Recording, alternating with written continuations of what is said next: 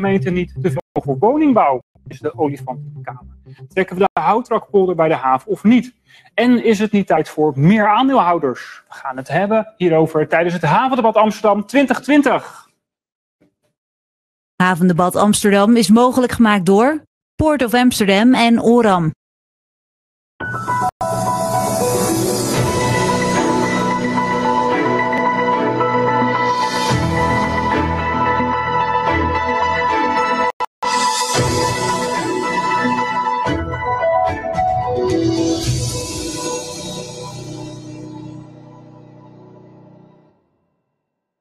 Economie, natuur en bonussen strijden om voorrang in Amsterdam. De haven wil uitbreiden, maar waarheen? De westkant treft het een steeds kleiner wordende polder en aan de oostkant een alsmaar uitdijende binnenstad.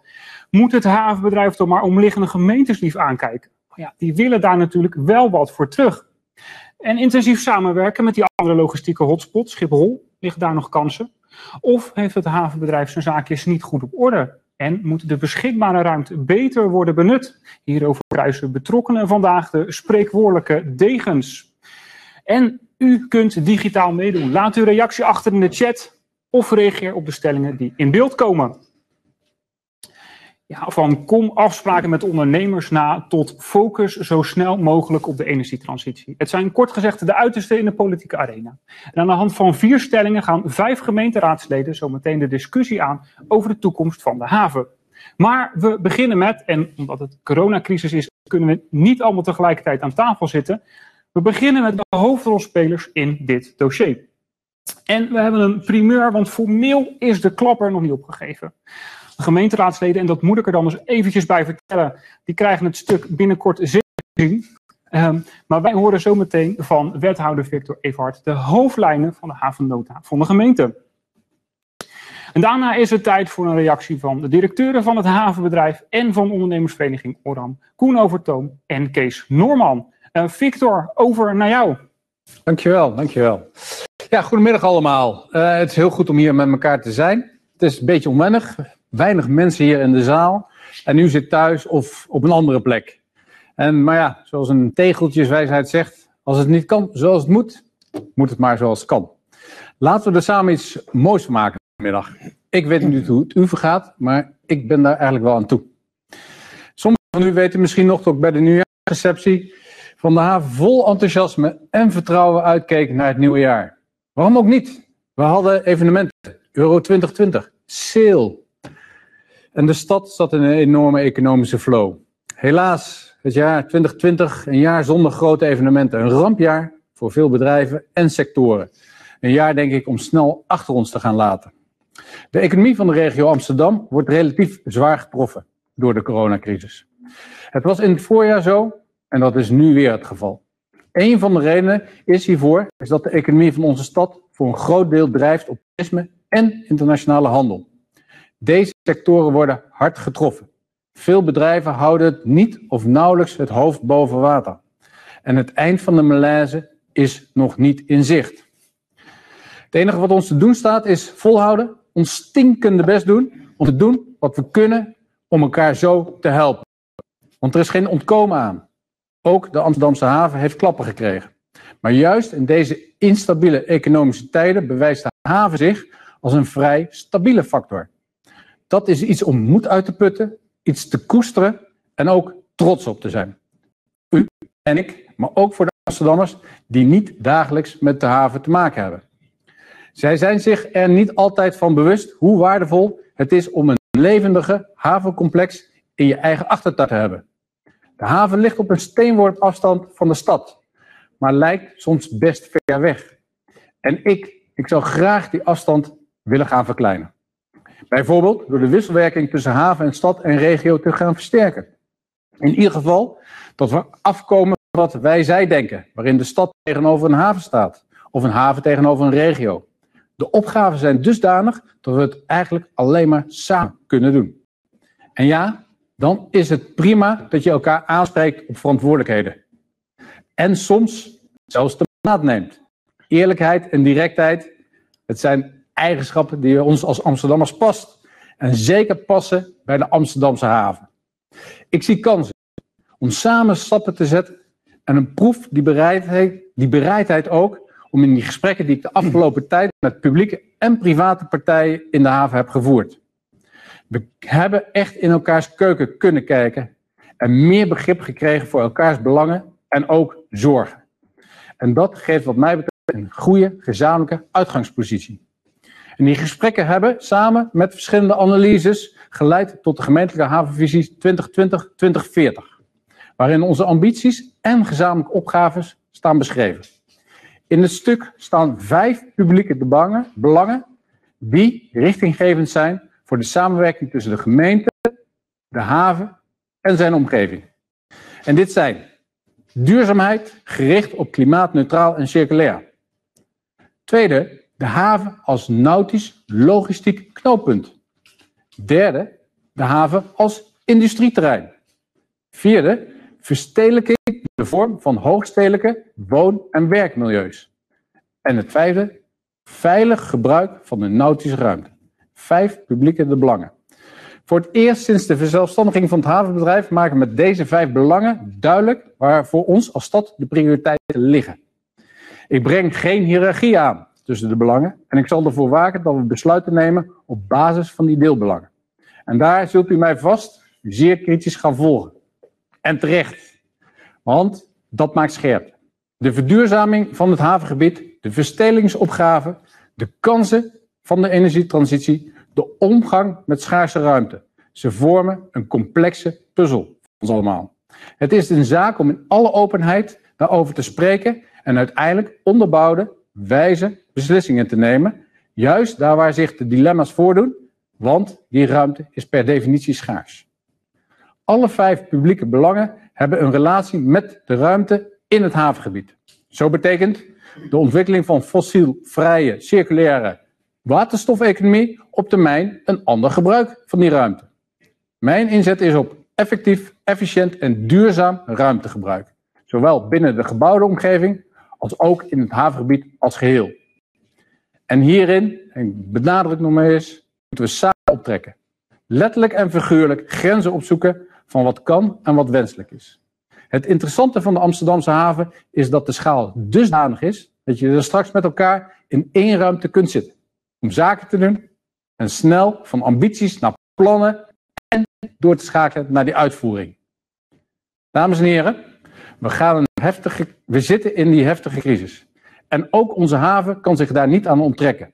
Maar onze fundamenten zijn echt stevig. Onze ambities zijn groot en onze bereidheid om samen de schouders eronder te zetten misschien nog wel groter. En dat, dat stemt mij zeer optimistisch. Ik hoop u ook.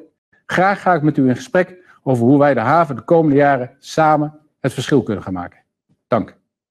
Ja, dankjewel uh, Victor. Ik heb jou mooie dingen horen, ze horen zeggen. Applaus, mooi. Ik heb jou mooie dingen horen zeggen over de, over de haven. We hebben het vandaag over ruimte voor uitbreiding, al dan niet. Uh, ja, wordt dat wat concreter in het, uh, in het plan? Nou, de, de, de visie is inderdaad van, we willen inderdaad die vijf publieke belangen een goede plek gaan geven. En ik zei ook van de ruimte is per definitie schaars. Ik zie ook wel is dat er nog wel ruimte is, maar hoe gaan we daarmee om? Hoe gaan we die invulling doen? En het ligt aan de ambitie, maar vooral ook aan de partijen die die ambitie waar willen maken. Waar vinden combinaties plaats? Ja. Of waar kan het niet? Waar hebben we milieuruimte nodig? Waar kan het niet? En ik denk dat we die complexe puzzel met elkaar moeten gaan. Nou, als ik het dan even zwart-wit stel, is het dan, uh, moeten we doen met de ruimte die we nu hebben en die efficiënter inrichten? Of is het ook een kwestie van uitbreiden naar, naar andere plekken? Je moet eerst kijken, we zitten sowieso in de hele regio, is ruimte het grote vraagstuk. Maar we zien wel echt mogelijkheden om inderdaad toch nog industrie ook te laten landen. Niet, hoeft niet eens in de haven, kan ook in andere in de metropoolregio. Dus daar zien we nog wel zeker ruimte. Ja, we moeten goed gaan kijken hoe maken we de haven zo efficiënt mogelijk. En ja, we kunnen ook verder kijken. Ja, ja helder. Uh, ja, heren, uh, ik begreep, jullie hebben wel een deel van het plan uh, gehoord al, maar nog niet, niet alles. Koen, om bij jou te beginnen, heb jij nieuwe dingen gehoord? Nee, we zijn natuurlijk in het proces heel nauw betrokken geweest. Hè, want wij zitten zelf ook met onze strategische visie of ons bedrijfsplan voor de komende vier jaar. En daar hebben we hard aan gewerkt. Aan beide hebben we hard gewerkt. Dus de plannen zijn, zijn herkenbaar. En ik ben er ook, ook wel erg blij mee. Ja, ja helder. Kees, om met jou verder te gaan. Heb jij nieuwe dingen gehoord? Is het, Nee, geen nieuwe dingen. Kijk, het, zijn, het is ook best generiek wat hier gezegd wordt. Uh, uh, maar ik ben ook uh, een actieve participant geweest in dit proces. Is ook wel redelijk uniek, denk ik. En we hebben ook een, best wel veel dingen teruggezien van zaken die wij ingebracht hebben als wat de havenspecifieke zaken zijn. ja, nu is natuurlijk de, de vraag hoe gaan we dit concretiseren met z'n allen. Ja, dit, dit plan, ik kan me voorstellen dat het voor de ondernemers best wel op een goed moment komt. Hè, van, ik kan me voorstellen, die willen duidelijkheid hebben. Dit is natuurlijk ook met, ja, met grote investeringsplannen, al dan niet. Het is belangrijk om te weten hoe de hazen lopen. Heb je het idee dat zij echt uh, rijkhalsend naar dit plan hebben uitgekeken? Ja, we zijn een beetje op de verkeerde voet begonnen, omdat het nogal. maar goed, uiteindelijk denk ik dat iedereen behoefte heeft aan. Ja, hoe, hoe bedoel je dat? Nou, uh, dat is een paar jaar geleden. Toen was er eigenlijk meer, maar dat was, waren voorgangers, dat waren andere mensen, maar die begonnen eigenlijk wat meer dat de stad meer invloed wilde hebben over hoe die haven zich moest ontwikkelen. En wij zeiden toen ja, dat vinden we eigenlijk, dat moet je eigenlijk aan het havenbedrijf Amsterdam overlaten. Ja. Die gaan er namelijk over. Maar uh, achteraf gezien denk ik dat het heel belangrijk is, en ik begrijp het nu inmiddels ook beter, dat die stad kaders nodig heeft om uiteindelijk ook bestuurlijke beslissingen te nemen. En daar is dit een uitstekende eerste exercitie voor. Het is, een, het is nog een omvangrijk project geweest ook. Ja. En dat heeft ook te maken met de enorme complexiteit uh, uh, van het onderwerp. Ja, zeker. Uh, het gaat veelal over ruimte in fysieke zin. Maar wat mij betreft denk ik dat we hier ook moeten bespreken de uh, milieuruimte. Want ik denk dat dat misschien nog wel belangrijker is. Het hebben van milieuruimte. Ja, en nee, daar kom ik zo meteen okay, nog ja. eventjes uh, bij op terug. Ja. ja, Koen, jij sneed dat net eventjes aan. Jullie hebben een eigen plan ook bij de gemeente ingeleverd. Ja. Buigen ze zich momenteel ook over. Kun je even uitleggen wat is dat plan en wat is de relatie daarmee met dit plan wat uh, de wethouder net uh, Ja, nou wij hebben een, een eigen plan waar we hard aan gewerkt hebben en, en waar we zo zelf erg tevreden mee zijn. Dat is enerzijds dat we zeggen van de haven is een Europese haven. Dus zegt wat over de schaalgrootte. En het andere is dat wij voorloper zijn in die transitie. Uh, en dat gaat met name over circulair en over uh, energie. Nou, en dat herkennen we heel erg in het plan ook van, van de gemeente. Dus publiek belang nummer één, duurzaamheid, energietransitie, circulariteit. dus dat sluit naadloos aan. En wat wij erg fijn vinden is dat ook de plannen Nautisch Draaipunt en ook vestigingsplaats voor industrie dat dat ook zo uh, expliciet uh, benoemd wordt uh, door de gemeente. En dat geeft denk ik ook de ondernemers heel veel rust. Want dat gaat uiteindelijk gepaard met ruimte. En dan is het uiteindelijk aan ons als haven dat als we de goede dingen doen, die ook matchen met die publieke belangen, ja, dan, dan toon je ook aan dat je die ruimte ook waard bent. Nou, ja. En daar gaan we in dat nieuwe strategisch plan een hele mooie stap in. Ja, ja helder. Um, je had het natuurlijk ook over een belangrijke rol spelen in, in Europa. Dat is natuurlijk, hè, Amsterdam is natuurlijk een belangrijke Noordzeehaven. Je moet wel een beetje met een vergrootglas zoeken. Wil je dat in die vijf punten uh, terugzien? Mis jij dat niet een beetje? Nou, dat is, hè, er zijn natuurlijk altijd uh, punten waarvan je denkt van uh, daar zoeken we de scherpte. Hè. Dus, dus de, de, de, de gemeente als aandeelhouder die kijkt heel erg, erg regionaal. Uh, tegelijkertijd zijn wij haven nummer vier. Hè, dus wij, wij uh, zijn onderdeel van trans-Europese netwerken. Daar krijgen we ook subsidies voor als we daarin investeren. Dus wij zien onszelf als die internationale haven. En nou, dat laten we ook zien. maar dat kan af en toe nog wel eens wat spanning opleveren. Ja, nou, dat kan me wel voorstellen. Want ja, je zou misschien ook wel even de kritische vraag kunnen stellen. Hè? De gemeente is natuurlijk de aandeelhouder, enige aandeelhouder van de, van de haven. Ja, Um, trekken die misschien niet te veel aan de touwtjes? En uh, is het misschien niet logisch dat jullie in een soort van ja, lokaal perspectief geduwd worden, terwijl jullie misschien eigenlijk meer willen? Nou ja, kijk, ik denk dat het dan aan ons is om, kijk, uiteindelijk is ook de lokale politiek, kijkt ook naar die duurzaamheidsambitie die internationaal gaan gelden. En als je zo'n Timmermans dan hoort en die zegt, nou, we moeten veel meer over water doen, we moeten veel meer met spoor doen, dan hebben wij een verantwoordelijkheid, zeker geografisch en hoe goed we geoutilleerd zijn, die gewoon breder is dan Amsterdam. En om dat te realiseren, ja, zullen wij dan ook onze verantwoordelijkheid daarin moeten pakken als je gewoon zo goed aangetakt bent met het achterland en de zee. En dan denken wij dat als we met goede plannen komen, dat ook uh, de gemeente daar ook wel naar wil luisteren. Ja, herken je dat, Kees? Dat het misschien een beetje één uh, nee, kijk, puur op dat lokale gericht is? Ja, dat is pas ook de angst. Hè. Dus dat, dat, is nog steeds natuurlijk de angst uiteindelijk in de uitvoering. Dat, dat er gemeentelijke politieke belangen gaan gelden over, uh, wat over een internationaal logistiek knooppunt gaat. Ja. En dat zijn eigenlijk twee, uh, twee En dat was volgens mij ook jouw angst bij de vorige wethouder. Die, jij sprak op een gegeven moment ook van een soort oorlogsverklaring bij ons in de krant. Inmiddels is de, de lucht geklaard. Ja, gelukkig. Het is natuurlijk vorig jaar geweest, maar we wel even zien wat, wat het spannend is. Nou, het had het even nodig, denk ik. Want uh, ik denk dat, op, dat het toen wel de boventoon voerde dat er gemeentelijke politiek over die haven uitgestrooid werd. En dat het, dat het algemene belang van woningbouw zo prevaleerde dat eigenlijk de, alle belangen van de bedrijven wat ondergesneld dreigde te raken. Dat zie je overigens uh, inmiddels in, dit, in deze kaders, is dat, uh, is dat belang herbevestigd wat mij betreft. Uh, neem niet weg dat de haven natuurlijk omzoomd wordt door uh, bouwinitiatieven, niet alleen uit de gemeente Amsterdam, maar ook uit andere gemeentes. Waardoor er enorme druk komt, denk ik, op de ruimte die bedrijven krijgen om te investeren. Dat is denk ik mijn grootste angst, is dat je op het moment dat je in een soort omgeving zit waarvan je niet zeker bent of je op lange termijn nog kunt blijven zitten, ja. dan ga je dus geen investeringen doen. Er zijn veel investeringen in innovatie en verduurzaming wat mij betreft. Dus op het moment dat je tegen bedrijven zegt, je mag hier niet lang blijven zitten, dan blijven ze doen wat ze nu doen en gaan ze niet innoveren. Dus die, die zekerheid die bedrijven nodig hebben, en zeker omdat veel bedrijven onderdeel zijn van multinationale ondernemingen, ja. kan zo'n onderneming altijd de keuze maken, waar laat ik die investering nou vallen? Ik wil dat die in de Amsterdamse regio valt. Ja. Maar een, een onderneming kan andere keuzes daar maken, omdat hij zegt, het klimaat is wat mij betreft on, uh, onzeker. En die onzekerheid, dat is denk ik waar we met z'n allen voor moeten waken. Ja, ja, Victor, het is misschien. Nee, ik kan je antwoord al wel raden, denk ik. Maar uh, oh, ja, vind jij het niet tijd voor een breder palet aan, aan aandeelhouders? Als je deze verhalen, als je verhalen van deze heren hoort? Nou, ik, ik, weet niet of, of daar nou direct de, de, meerwaarde in zal zitten. Ik, ik sluit helemaal niks van tevoren uit. Maar waar het mij om gaat. Ben je een jaar geleden als aangetreden als wethouder. Ja. En wat ik merkte is dat je. Uh, de stad en de haven, dat lag ook mentaal best ver uit elkaar. En, uh, en we zijn Amsterdam. Dus, als ik het over, dus hij hebben per definitie een grote haven, zou ik zeggen. Dus, dus, dus dan kunnen we nog iets verder in, in de ver zetten. Maar wat belangrijk is, is dat we investeringen nodig hebben. Zeker nu, deze ja. coronatijd. En ik, zie heel, ik, zie ik wil toch heel even terug naar dat, naar dat, naar het aandeelhouderschap. Hè. Ik heb me laten vertellen, ook in de voorbereiding hier naartoe, dat misschien dat plan van de gemeente toch een soort van misschien startpunt is om, om, om die constructie een beetje te herdefiniëren. Ben ik dan goed geïnformeerd of niet?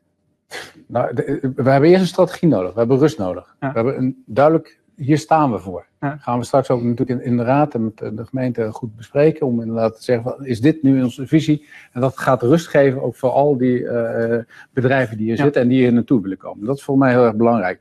Dat eigenaarschap in die aandelen, laten we daar op... voor jou maar bijzaak. Nou ja, het is nu niet de, de, de, hoofdvraag die bij mij op tafel ligt. Ik, ik zit sowieso, denk ik, niet vaak in blokkades. Dus ik, ik, ik heb daar best een open houding over. Ja. Maar wat ik zie, en wat ik ook luisterde, wat ik ook hoorde bij de uh, bedrijven, is, jongens, we moeten weten waar gaat de visie naartoe. En dat is de eerste stap. Tweede is, en je wilde inderdaad gaan nog even terug naar je aandelen, maar wat ik zie, is dat wij uh, op Rijk en op Europees niveau, uh, werd net al gezegd, enorm veel fondsen hebben om inderdaad handen en voeten te geven. En we hebben, dat kan je niet als overheid alleen doen, sterker nog, daar hebben we elkaar voor nodig. Dus echt, we hebben elkaar als, als bedrijven, als havenbedrijf, als vertegenwoordigers van het bedrijfsleven, als publieke kant van de zaak hebben we elkaar heel hard nodig. Ik ben het helemaal met Kees eens. We moeten morgen eigenlijk die investeringen echt op tafel gaan leggen in Den Haag, in Brussel. Ja. En dat is echt iets wat we nu aan het versnellen zijn.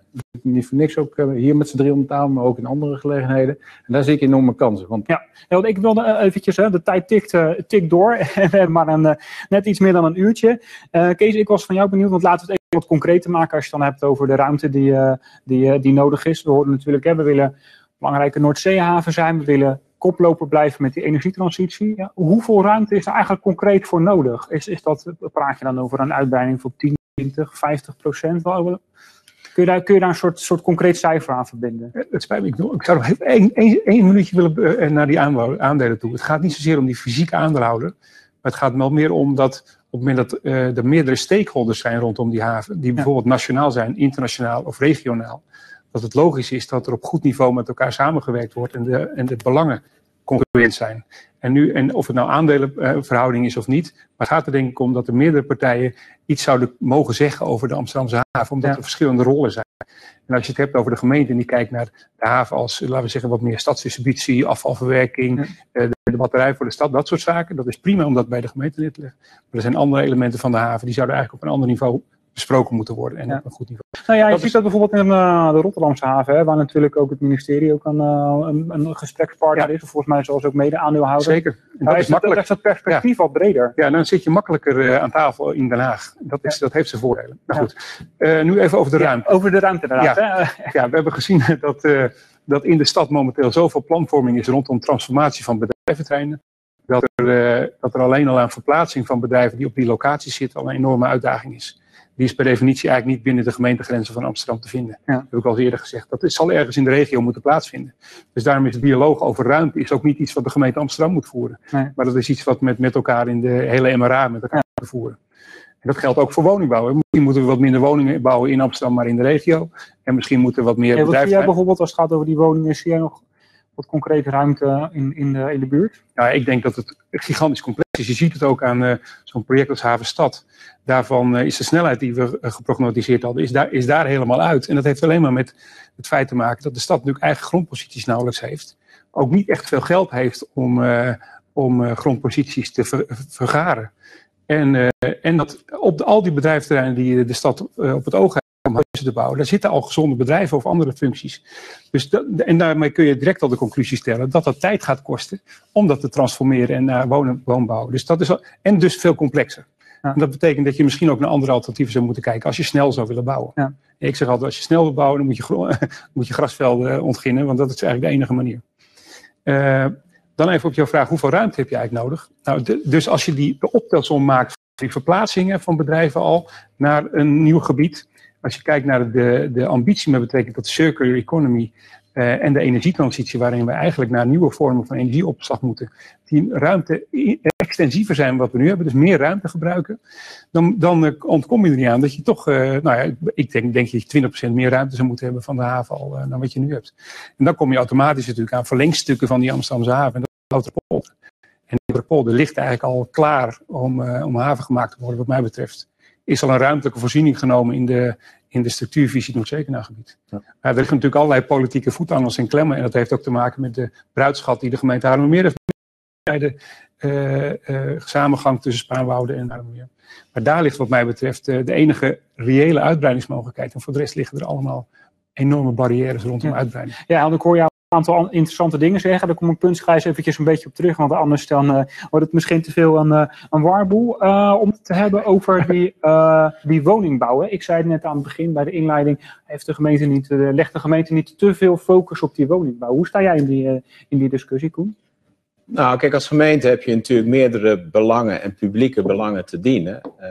Maar ik denk dat je heel helder moet zijn. Uiteindelijk moeten wij ook helder zijn naar onze klanten toe. En ik denk dat in de havenstaddiscussie daar het wel eens mis is gegaan. Dat het wel eens eh, naar achter is geschoven. Hè? Dus nog niet zo heel lang geleden. Nou, want jij omschreef al naar mij in het voorgesprek een beetje als, als yo-yo eh, op dat. Nou, als jojo, dat, bedoel dat met- het, nou, bedoel als jojo bedoel ik dat, dat je van 2030 is dat toen de tijd na de crisis 2014 is naar 2040 gegaan. Hè? Dus dan werd het eigenlijk vertraagd. Vervolgens kwam Ja, om even uit te leggen, want dat is dus het plan Havenstop. Hè. Dat was- even de vraag, wanneer gaan we daarmee beginnen? Dat in 2002, dat was volgens mij afgesproken Ja. in convenant. 2009, als ik het goed heb. Nee, nee, toen wij gingen we zelfstandig lag er een convenant. En dat, dat eh, zei in 2030 zou dat kunnen eh, transformeren. Nou, dat is toen uiteindelijk is dat besloten en is dat gezegd van nou 2030 wordt het 2040. Hè. Dus die bedrijven die gaan dan investeren, die gaan een aantal dingen doen omdat hun, hun horizon dan 2040 is. En een vervolgingscollege komt en zegt nou we maken het 2025, we gaan het weer naar voren halen. Nou, en dat is naar die bedrijven toe, is dat gewoon niet, eh, niet helder op dat moment. En ik denk dat je op een gegeven moment Ja, Victor, om gelijk eventjes, eh, even- ja, snijdt hij daar een terecht punt aan? Nou ja, de inzet die ik heb met deze strategie naar 2040 is om inderdaad ook helderheid te verschaffen. En, en dat, dat helpt, want we moeten bedrijven, die, die staan voor investeringsbeslissingen. Dan moet in gewoon vier of acht jaar. Dat moet Tijd voor... Even niet Nou ja, nogmaals, we zijn allemaal eh, volwassen eh, jongens en meisjes ook, haast willen zeggen. Dus we weten tot inderdaad ook vanuit het publieke belang eh, dat we in een democratie leven. Dat is een groot goed. Kijk nu even hoe het in Amerika is gelopen. Dat is een groot goed. Ja. En dat betekent dat vier jaar daar inderdaad ook wel richting aan wordt gegeven. Dus dat weten we van elkaar. Dat is ook helemaal niks nieuws. Dat is, dat is zo. Maar tegelijkertijd vind ik wel, vanuit publieke zaak, wel moet je leesbaar zijn. Moet je voorspelbaarheid vergroten. En door zo'n visie neer te leggen, en dat is waarom we ook eh, uitkijken naar het debat met, de- met de Raad straks, te kijken van kunnen we hier elkaar op vinden. Zodat je inderdaad ook leesbaarder wordt voor het bedrijfsleven, zodat er meer geïnvesteerd kan worden. Want dat is ook wat het publieke belang is, goede investeringen hier laten landen. En dat hebben we echt nodig. Nou, stel je wat Nee, voor nou, de- ik, ik, eh, om het af te maken, hè, ik denk dat, dat we dus voor een uit- aantal uitdagingen zitten. En dan zou je een soort roadmap moeten hebben, moeten hebben die voor nou, de woningbouw helder is, die voor de industrie helder is, die voor recreatie helder is. En als je die roadmap samen eh, vaststelt, dan moet je daar op, op enige manier ook proberen aan vasthouden. Want daar zit ook supra-investeringen aan vast. En zeker havens investeren natuurlijk op lange termijn.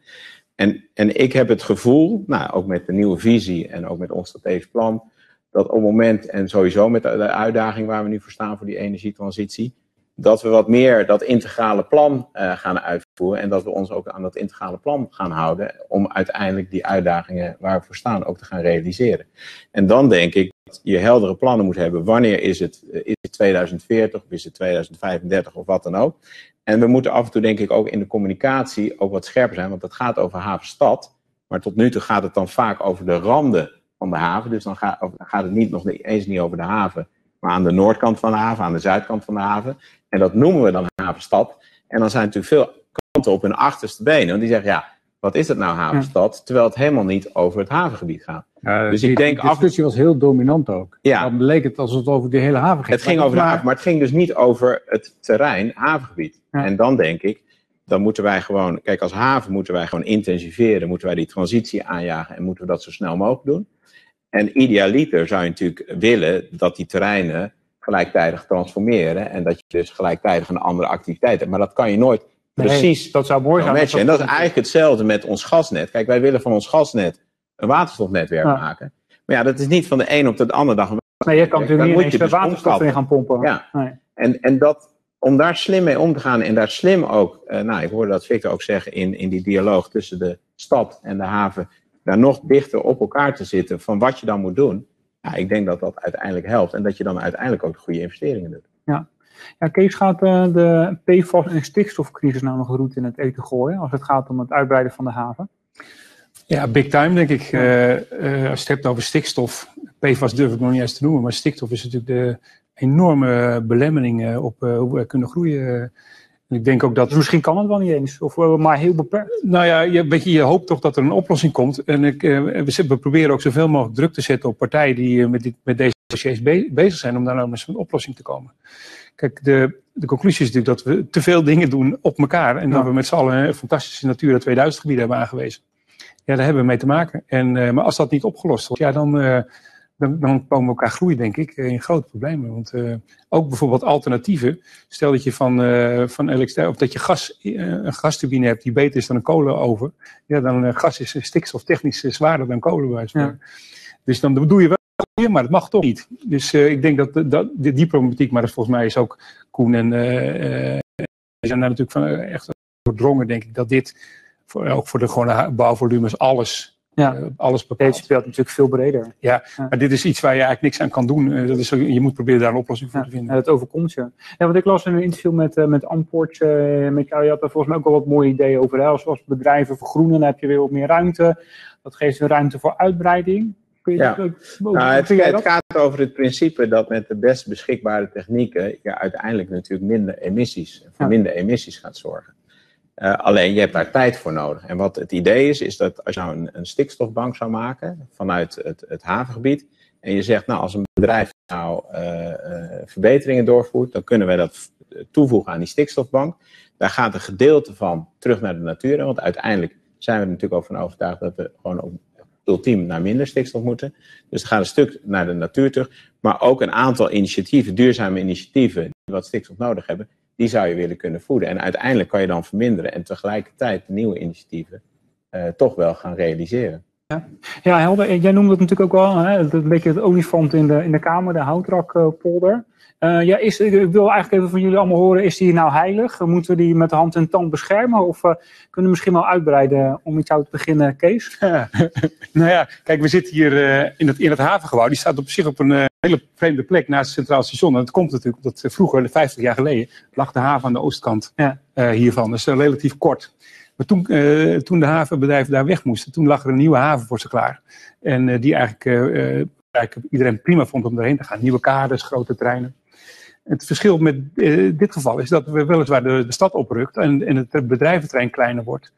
maar er geen uitleglocaties Nee. zijn. Behalve de Houtrakpolder. Dus Ja. ik heb eigenlijk geen enkele twijfel aan het feit dat die Houtrakpolder eh, uiteindelijk een haven zou moeten worden. Omdat Wat denk jij? Nou, kijk, we hebben een visie gemaakt, uh, Noordzeekanaalgebied. Hè? En, en uh, nogmaals, je doet heel veel investeringen in dit gebied. En die moet je ook in samenhang zien. Uh, dat was ten tijde ook van de investeringen van het Rijk in uh, de nieuwe zeesluis. Nou, die, die leg je niet zomaar aan zo'n nieuwe zeesluis. Die leg je aan voor activiteiten en toekomstvisie. Ja, zeker. Dus daar kijk je in zijn geheel naar. En vanuit die visie Noordzeekanaalgebied hebben we gezegd van nou, als het ooit zo nodig zou moeten zijn, omdat we de goede dingen hebben gedaan, maar dat blijkt dat circulariteit toch meer uh, ruimte nodig heeft of een aantal andere zaken, goede zaken waar wij mee bezig zijn, ja, dan staat in feite in die visie Noordzeekanaalgebied dat uh, de houtrak een van de opties is waar je uh, havenactiviteiten zou kunnen doen. Ja, we gaan zo natuurlijk horen wat de gemeenteraad ervan vindt, maar als, uh, als laatste de wethouder.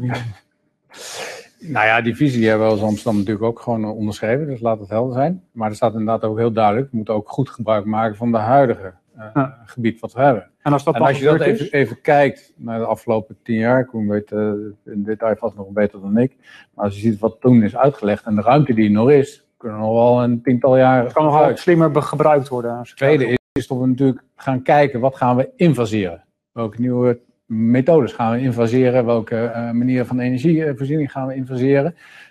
Dat wetende gaan we ook weer kijken naar het ruimtegebruik. En we zitten natuurlijk ook met elkaar te kijken naar dubbelgebruik. Uh, dat is iets wat we ook aan het doen zijn. Niet alleen hier in Amsterdam, maar in de regio en heel Nederland zou ik haast willen zeggen. Nou, dat moet je wel ten volle benutten. Ja. En ja, en als ook dat een duidelijke gebeurd visie is, dan... Ja, dat is de als-dan-vraag. En de visie hebben we gewoon ondertekend. Ja. ja. Een andere optie is natuurlijk uh, dat je de, aan andere plekken een Noordzeekanaal doet, bijvoorbeeld. Uh, wat uh, in Velzen gaat gebeuren. De met, ja, de Averijhaven inderdaad. Dat gebeurt samen met de gemeente Velzen. Ja, we moeten meer van dat soort initiatieven starten. Nou, je moet sowieso kijken in de meest vorm vanuit het Noordzeekanaalgebied wat je optimaal kan gebruiken. En dan zijn er natuurlijk terreinen die uh, aan het water liggen, uh, zoals de Averijhaven, zijn natuurlijk uh, hele mooie terreinen. Ja. Nou, datzelfde hebben we gedaan met Zaanstad aan de noordkant. Dus je moet altijd kijken waar je kan optimaliseren. Dus daar, daar maken we inderdaad gebruik van. heb je dan nog concrete plekken op het oog waarvan je zegt, nou... Nou, de, de, de Averijhaven is dus heel ja. concreet. Dus dat is die, die, die, die 15 hectare. En ja, ik denk dat dat, dat voor, vooralsnog de eerste is waar we naar kijken. En ja, soms zeggen mensen wel eens voor de kust. Ja, een dat, soort Maasvlakte. Ja. Dat is. Uh, de tweede Maasvlakte. Ja, dat is voorlopig niet aan de orde. Nee, nee ja, het klinkt wel mooi nee. natuurlijk. Hè? Ik, ja. Kees, heb jij nog plekken op het oog waarvan je denkt, nou ja, goed, als we dan toch moeten uitbreiden, dan zie ik daar nog wat ruimte. Nou ja, je hebt net mijn echte liefde voor de Houtrakpolder gehoord. Kijk, er zijn twee nota's die eigenlijk al uh, iets zeggen over het feit dat als er ruimte verloren gaat uh, van de havenindustrie ter vervanging van woningbouw, dat dat gecompenseerd zou moeten worden. Dat staat in de, in de provincienota's, maar het staat ook in de havennoten van de nationale overheid.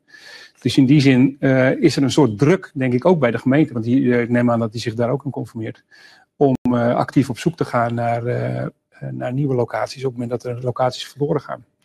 En ja, we hebben het al gezien met de zoektocht naar bijvoorbeeld een plek voor de passagiersterminal in de regio. Ja, ja het, is niet, uh, het is niet zo dat je overal leuke plekjes hebt waar je Toch een beetje leuren. Nee, zeker als er enige milieuruimte bij betrokken is. Dus ik, ja, nogmaals, uh, voor de hand ligt om het, om het in die kant te doen. ik sta, we staan open voor elke gemeente die zegt... Ja. Uh, wij willen ook uh, dat graag in mijn gemeente hebben. Ja, dat zie maar is, dat, is dat, Victor, is dat iets wat in een soort wethoudersoverleg wel eens besproken wordt van, uh, goh, dat lijkt me wat? Nou ja, die visie die is natuurlijk vastgesteld. Ja. Maar weet ook is dat...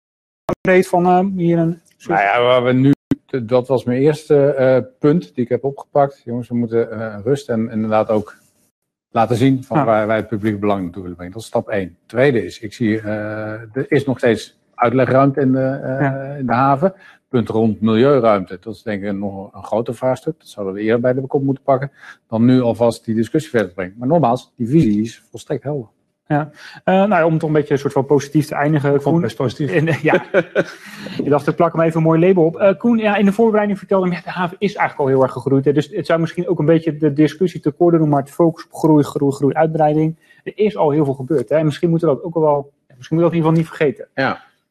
Nou ja, ik denk dat, dat we uh, in, in op circulair gebied heel veel nieuwe vestigingen uh, hebben gehad. Dat we de afgelopen jaren uh, echt veel hebben gedaan met intensivering. kijk, we zijn in 2006 hebben we toen al gezegd van we gaan geen nieuwe olieterminals meer vestigen. Ja. We hebben in 2016 gezegd van in 2030 willen we geen, geen kolen meer. Nou, we zitten dit jaar op uh, min 50% op kolen. Dat is natuurlijk heel snel gegaan ook met de Hemwegcentrale. Ja.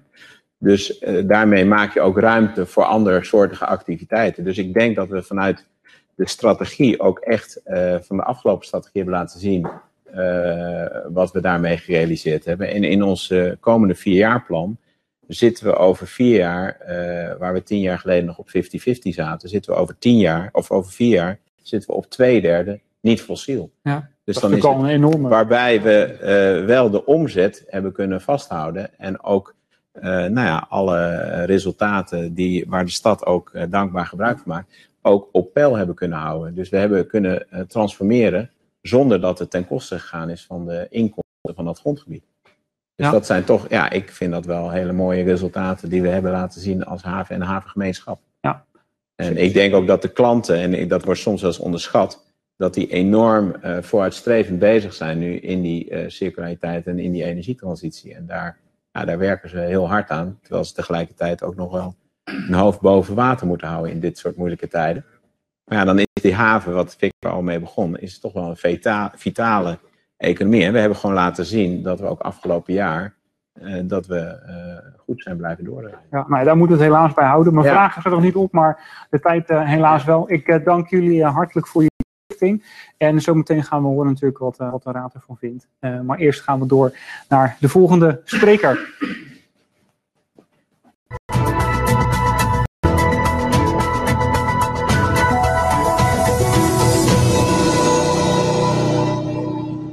Die staat op de... Ja, jij gaat hier, maar... Ja, soms kan het discussie te betrekken. Iemand die het geheel belangeloos van een afstandje bekijkt Ja. en kritische vragen stelt. En zo iemand is de volgende spreker, de lector ondernemende regio aan de Fontes Hogeschool, Kees Jan Pen. Ja, Kees, eh, we zijn benieuwd naar jouw visie. Neem ons mee. Ja, goedemiddag. eh mijn Kees Jan Pen uit Brabant. Eh, eervol eh, om een korte bijdrage te geven, ook als opmaat eh, naar het raadsdebat. Al denk ik dat het voorgaande gesprek al meer dan genoeg eh, punten aan heeft gestipt. Ehm, misschien even ook eh, waarom ik eh, ook in de pen ben geklommen en eh, ja, me wat zorgen maakte over eh, hoe de verschillende belangen eh daar kwamen. Eh, misschien het allereerste. Ik ga ervan uit dat ik eh, goed verstaanbaar ben, anders had ik al lang een ingreep gehoord, denk Nee, ik. zeker.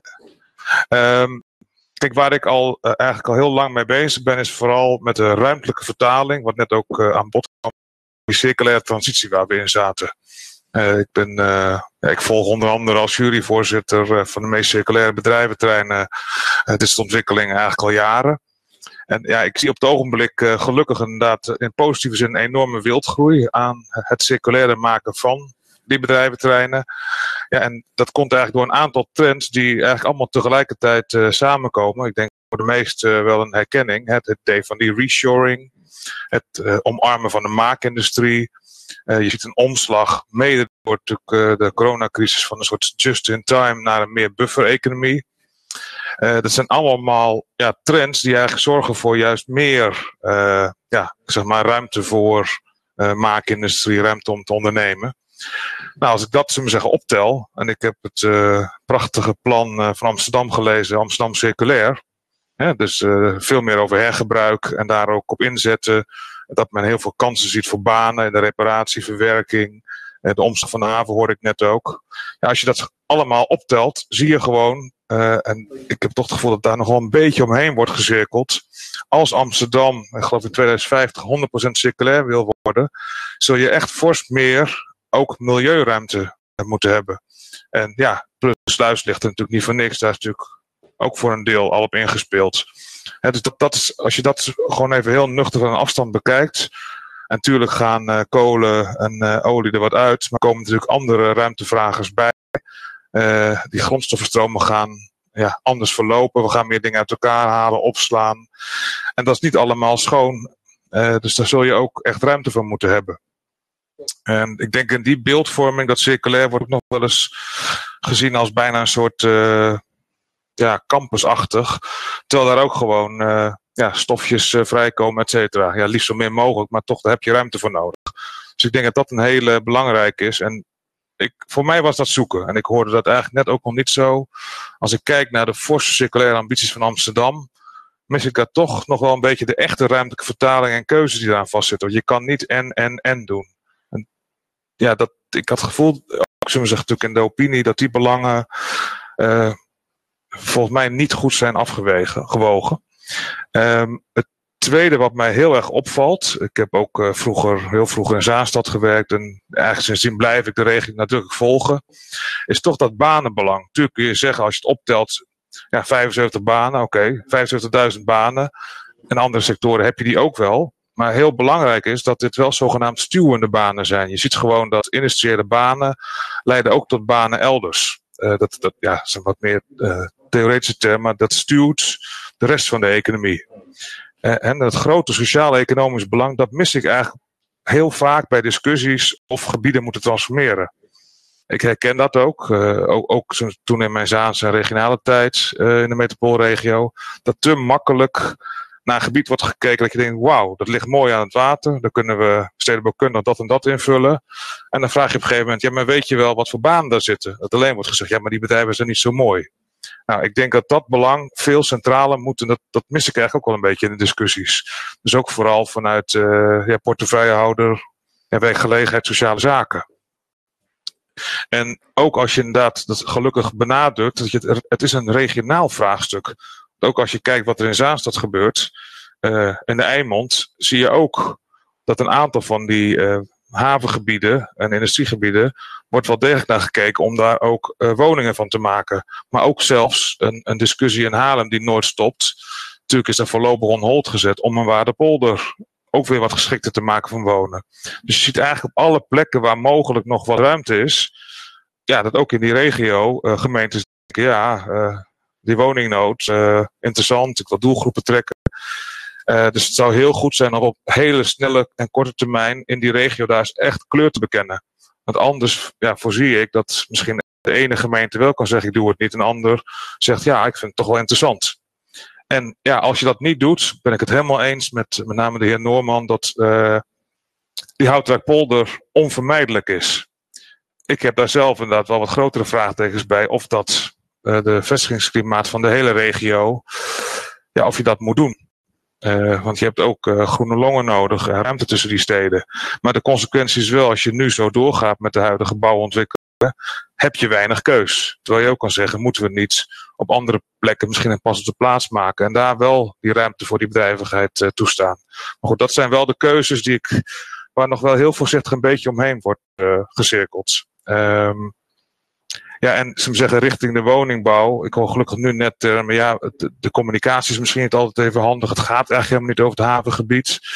Tegelijkertijd hoor ik ook een wethouder zeggen natuurlijk, ja, we moeten de grenzen opzoeken. En dat is echt mijn grootste probleem, zullen we zeggen, met op het ogenblik de, de, de woningbouwoplossing. Natuurlijk moet er ruimte voor komen, maar doe dat dan wel integraal. En ja, daar wil ik eigenlijk ook met name mee eindigen. Dat zie je landelijk ook. Het, het, het past helemaal in de trend van er moet een minister komen voor wonen of een volkshuisvesting? Nou, absoluut niet. Want dan ga je weer met die woningbouwbril allerlei dingen invullen. Terwijl je juist die integraliteit nodig hebt. Dus dat is, echt het front. Dus ook ruimtelijk en milieu samennemen. En dan kun je die energieopgave uh, meenemen. Dus ik denk dat dat echt wel een opgave is in de regio. Om toch ja, veel alerter te zijn op toch te sectorale woningbouwplannen. Allemaal heel logisch. Of wat eigenlijk wel kan vanuit banen en vanuit circulaire motieven. En ik ben met name daar dus heel benieuwd naar ook uh, ja, hoe de raad daarin zit. En ik snap het is een duivels dilemma. Ik heb het gevoel dat, dat, dat je gewoon echt keuzes moet maken. Je kan niet en, en, en doen. Ja, en uiteindelijk zul je daar als regio voor moeten kiezen. Want anders krijg je toch een suboptimaal uh, beeld. Um, dus dat is voor mij eigenlijk ook een van de redenen om uh, nou ja, in, de, in de pen te klimmen. En inderdaad, als een bedrijf wordt uitgeplaatst, ik ben ooit gepromoveerd in bedrijfsverplaatsingen, dan ben je hem ook gewoon kwijt. Dus dan moet je ook zeggen, in plaats van ja, die vangen we wel ergens op in de regio, dat je de grote kans dat je die gewoon kwijt bent. En dat, ik denk dat dat verhaal ook erbij verteld kan worden. Dat bedrijven niet zo snel op één kilometer afstand gaan verplaatsen, want het is een kostbare operatie. Uh, dus ik hoop uh, dat de Raad straks ook wat uh, ja, scherpe en duidelijke uitspraak over kan doen. hoe zij in dit, ja, het is een complex debat, maar keuzes zijn noodzakelijk en hopelijk draagt dit daar toe bij. Ja, dankjewel Kees-Jan. Ik was even benieuwd, hè? jij pleit toch een beetje voor een soort wat overkoepelende aanpak. Hè?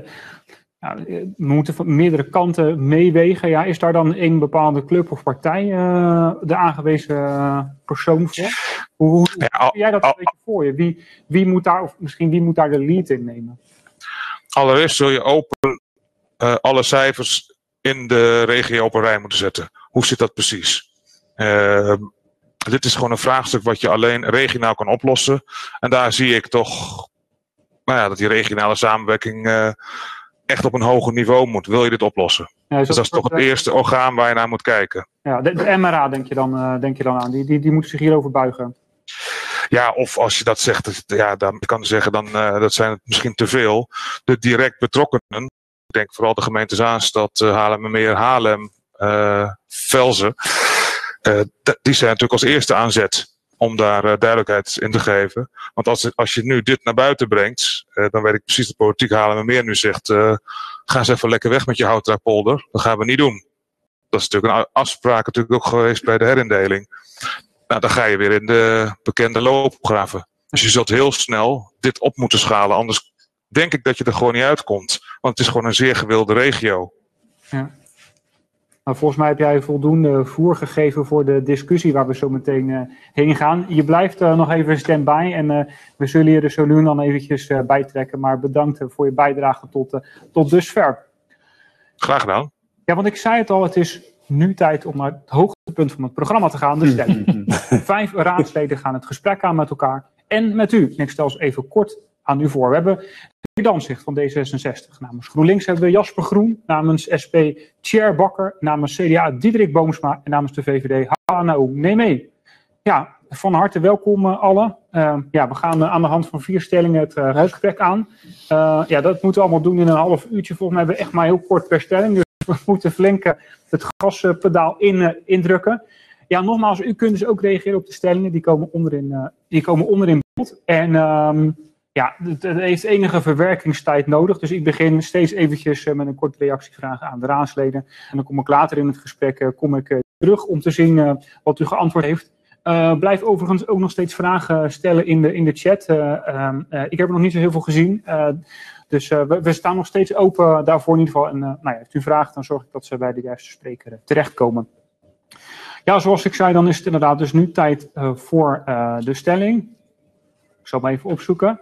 Ja, want de eerste stelling luidt, er is genoeg ruimte in de haven, wordt alleen inefficiënt gebruikt. Ja, eens of oneens. De stelling verschijnt nu in beeld.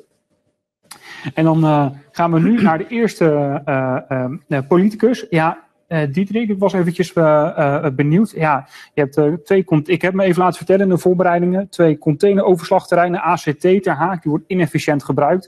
Er is nog nauwelijks diepzee container overslag.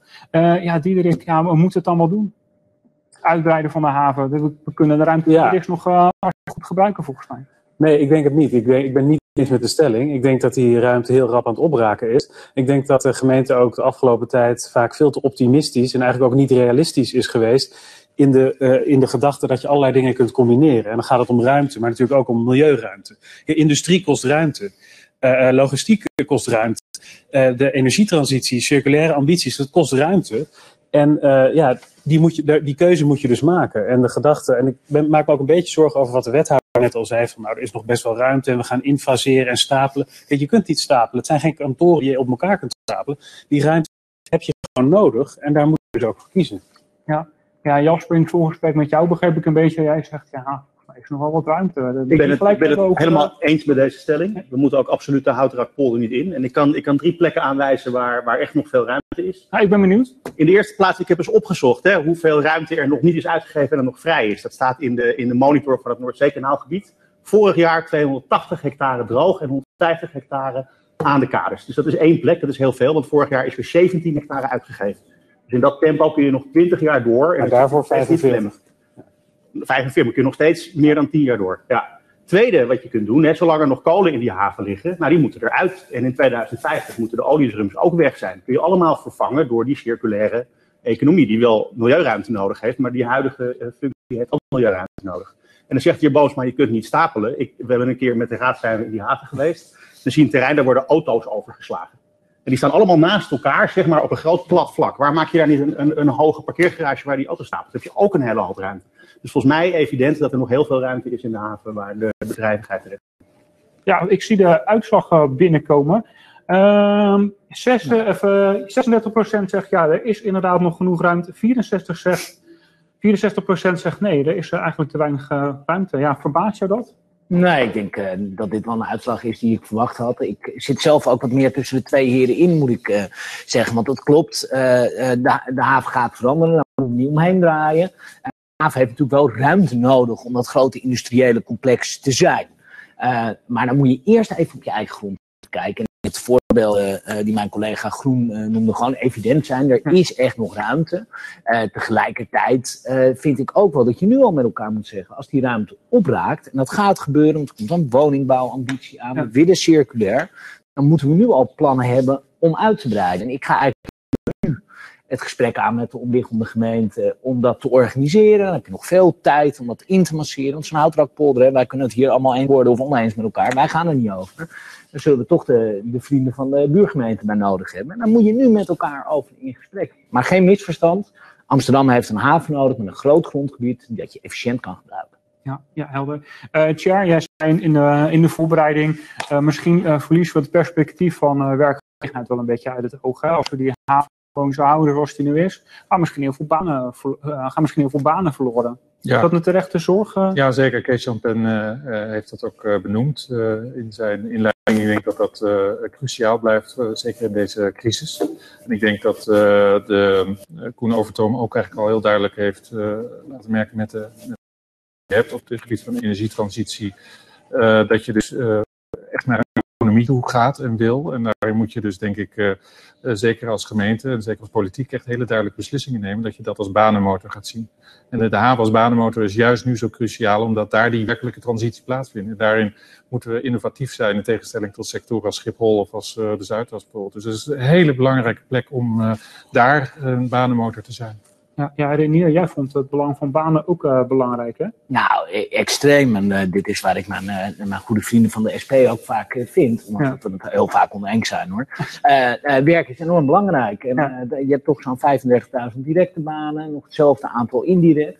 Dat is een groot goed. En misschien wel extra nu in deze crisis. Waar we toch zien dat die eenzijdige toeristeneconomie. eh, nou ja, waar ik mijn bedrijfje ook in heb, ik maar zeggen. eh, nou, niet precies is waar, waarvan je zeker weet dat er altijd brood op de plank komt. En zo'n haven toch prachtig. Hè? Die spullen moeten erheen. Ja. Het kan bijdragen aan de duurzame doelstelling. En het geeft niet alleen maar eh, voor studenten een mooi eh, baantje in de zomer, maar echt voor praktisch opgeleide dagelijks brood op de plank. Ja, dat is essentieel.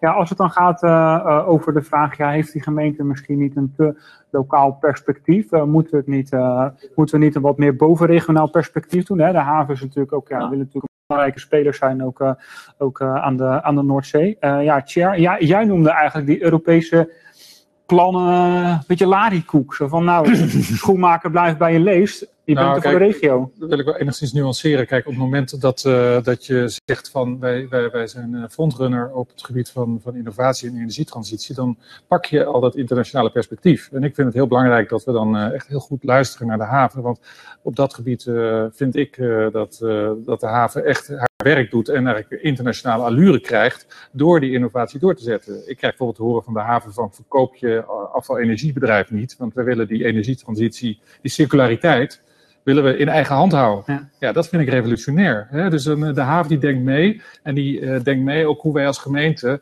eh, eh, bepaalde zaken beter kunnen, kunnen organiseren. Zoals u weet is wonen, infrastructuur en energie, dat zijn de, belangrijke, de belangrijkste manieren hoe je stedelijke omgevingen kunt veranderen. In dit geval de haven die actief meedenkt hoe we dit kunnen doen en ook actief nadenkt over hoe je de economie kunt veranderen.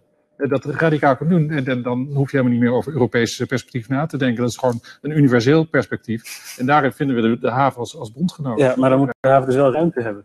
Ja, zeker, maar die heeft hij ook. Nou ja, terreinen, ik, sorry, maar je, kunt echt niet, eh, je redt het echt niet met autootjes gaan stapelen. Ik bedoel, je kunt niet en de havenstad gaan bouwen en dan ook eh, waar Dame ligt nu. Je ziet toch hoe moeilijk het is om te zoeken naar andere locaties voor, Dit, dit, voor dit dat is, soort bedrijven. het is een simplificatie. Hè? Dus Ja. eh, uiteindelijk hebben we te maken met, met, met hele complexe materie, waarin de haven op een gegeven moment zegt van wij willen op het gebied van circulariteit, wij willen op het gebied van energietransitie echt de voorhoede zijn. En dat gebeurt al.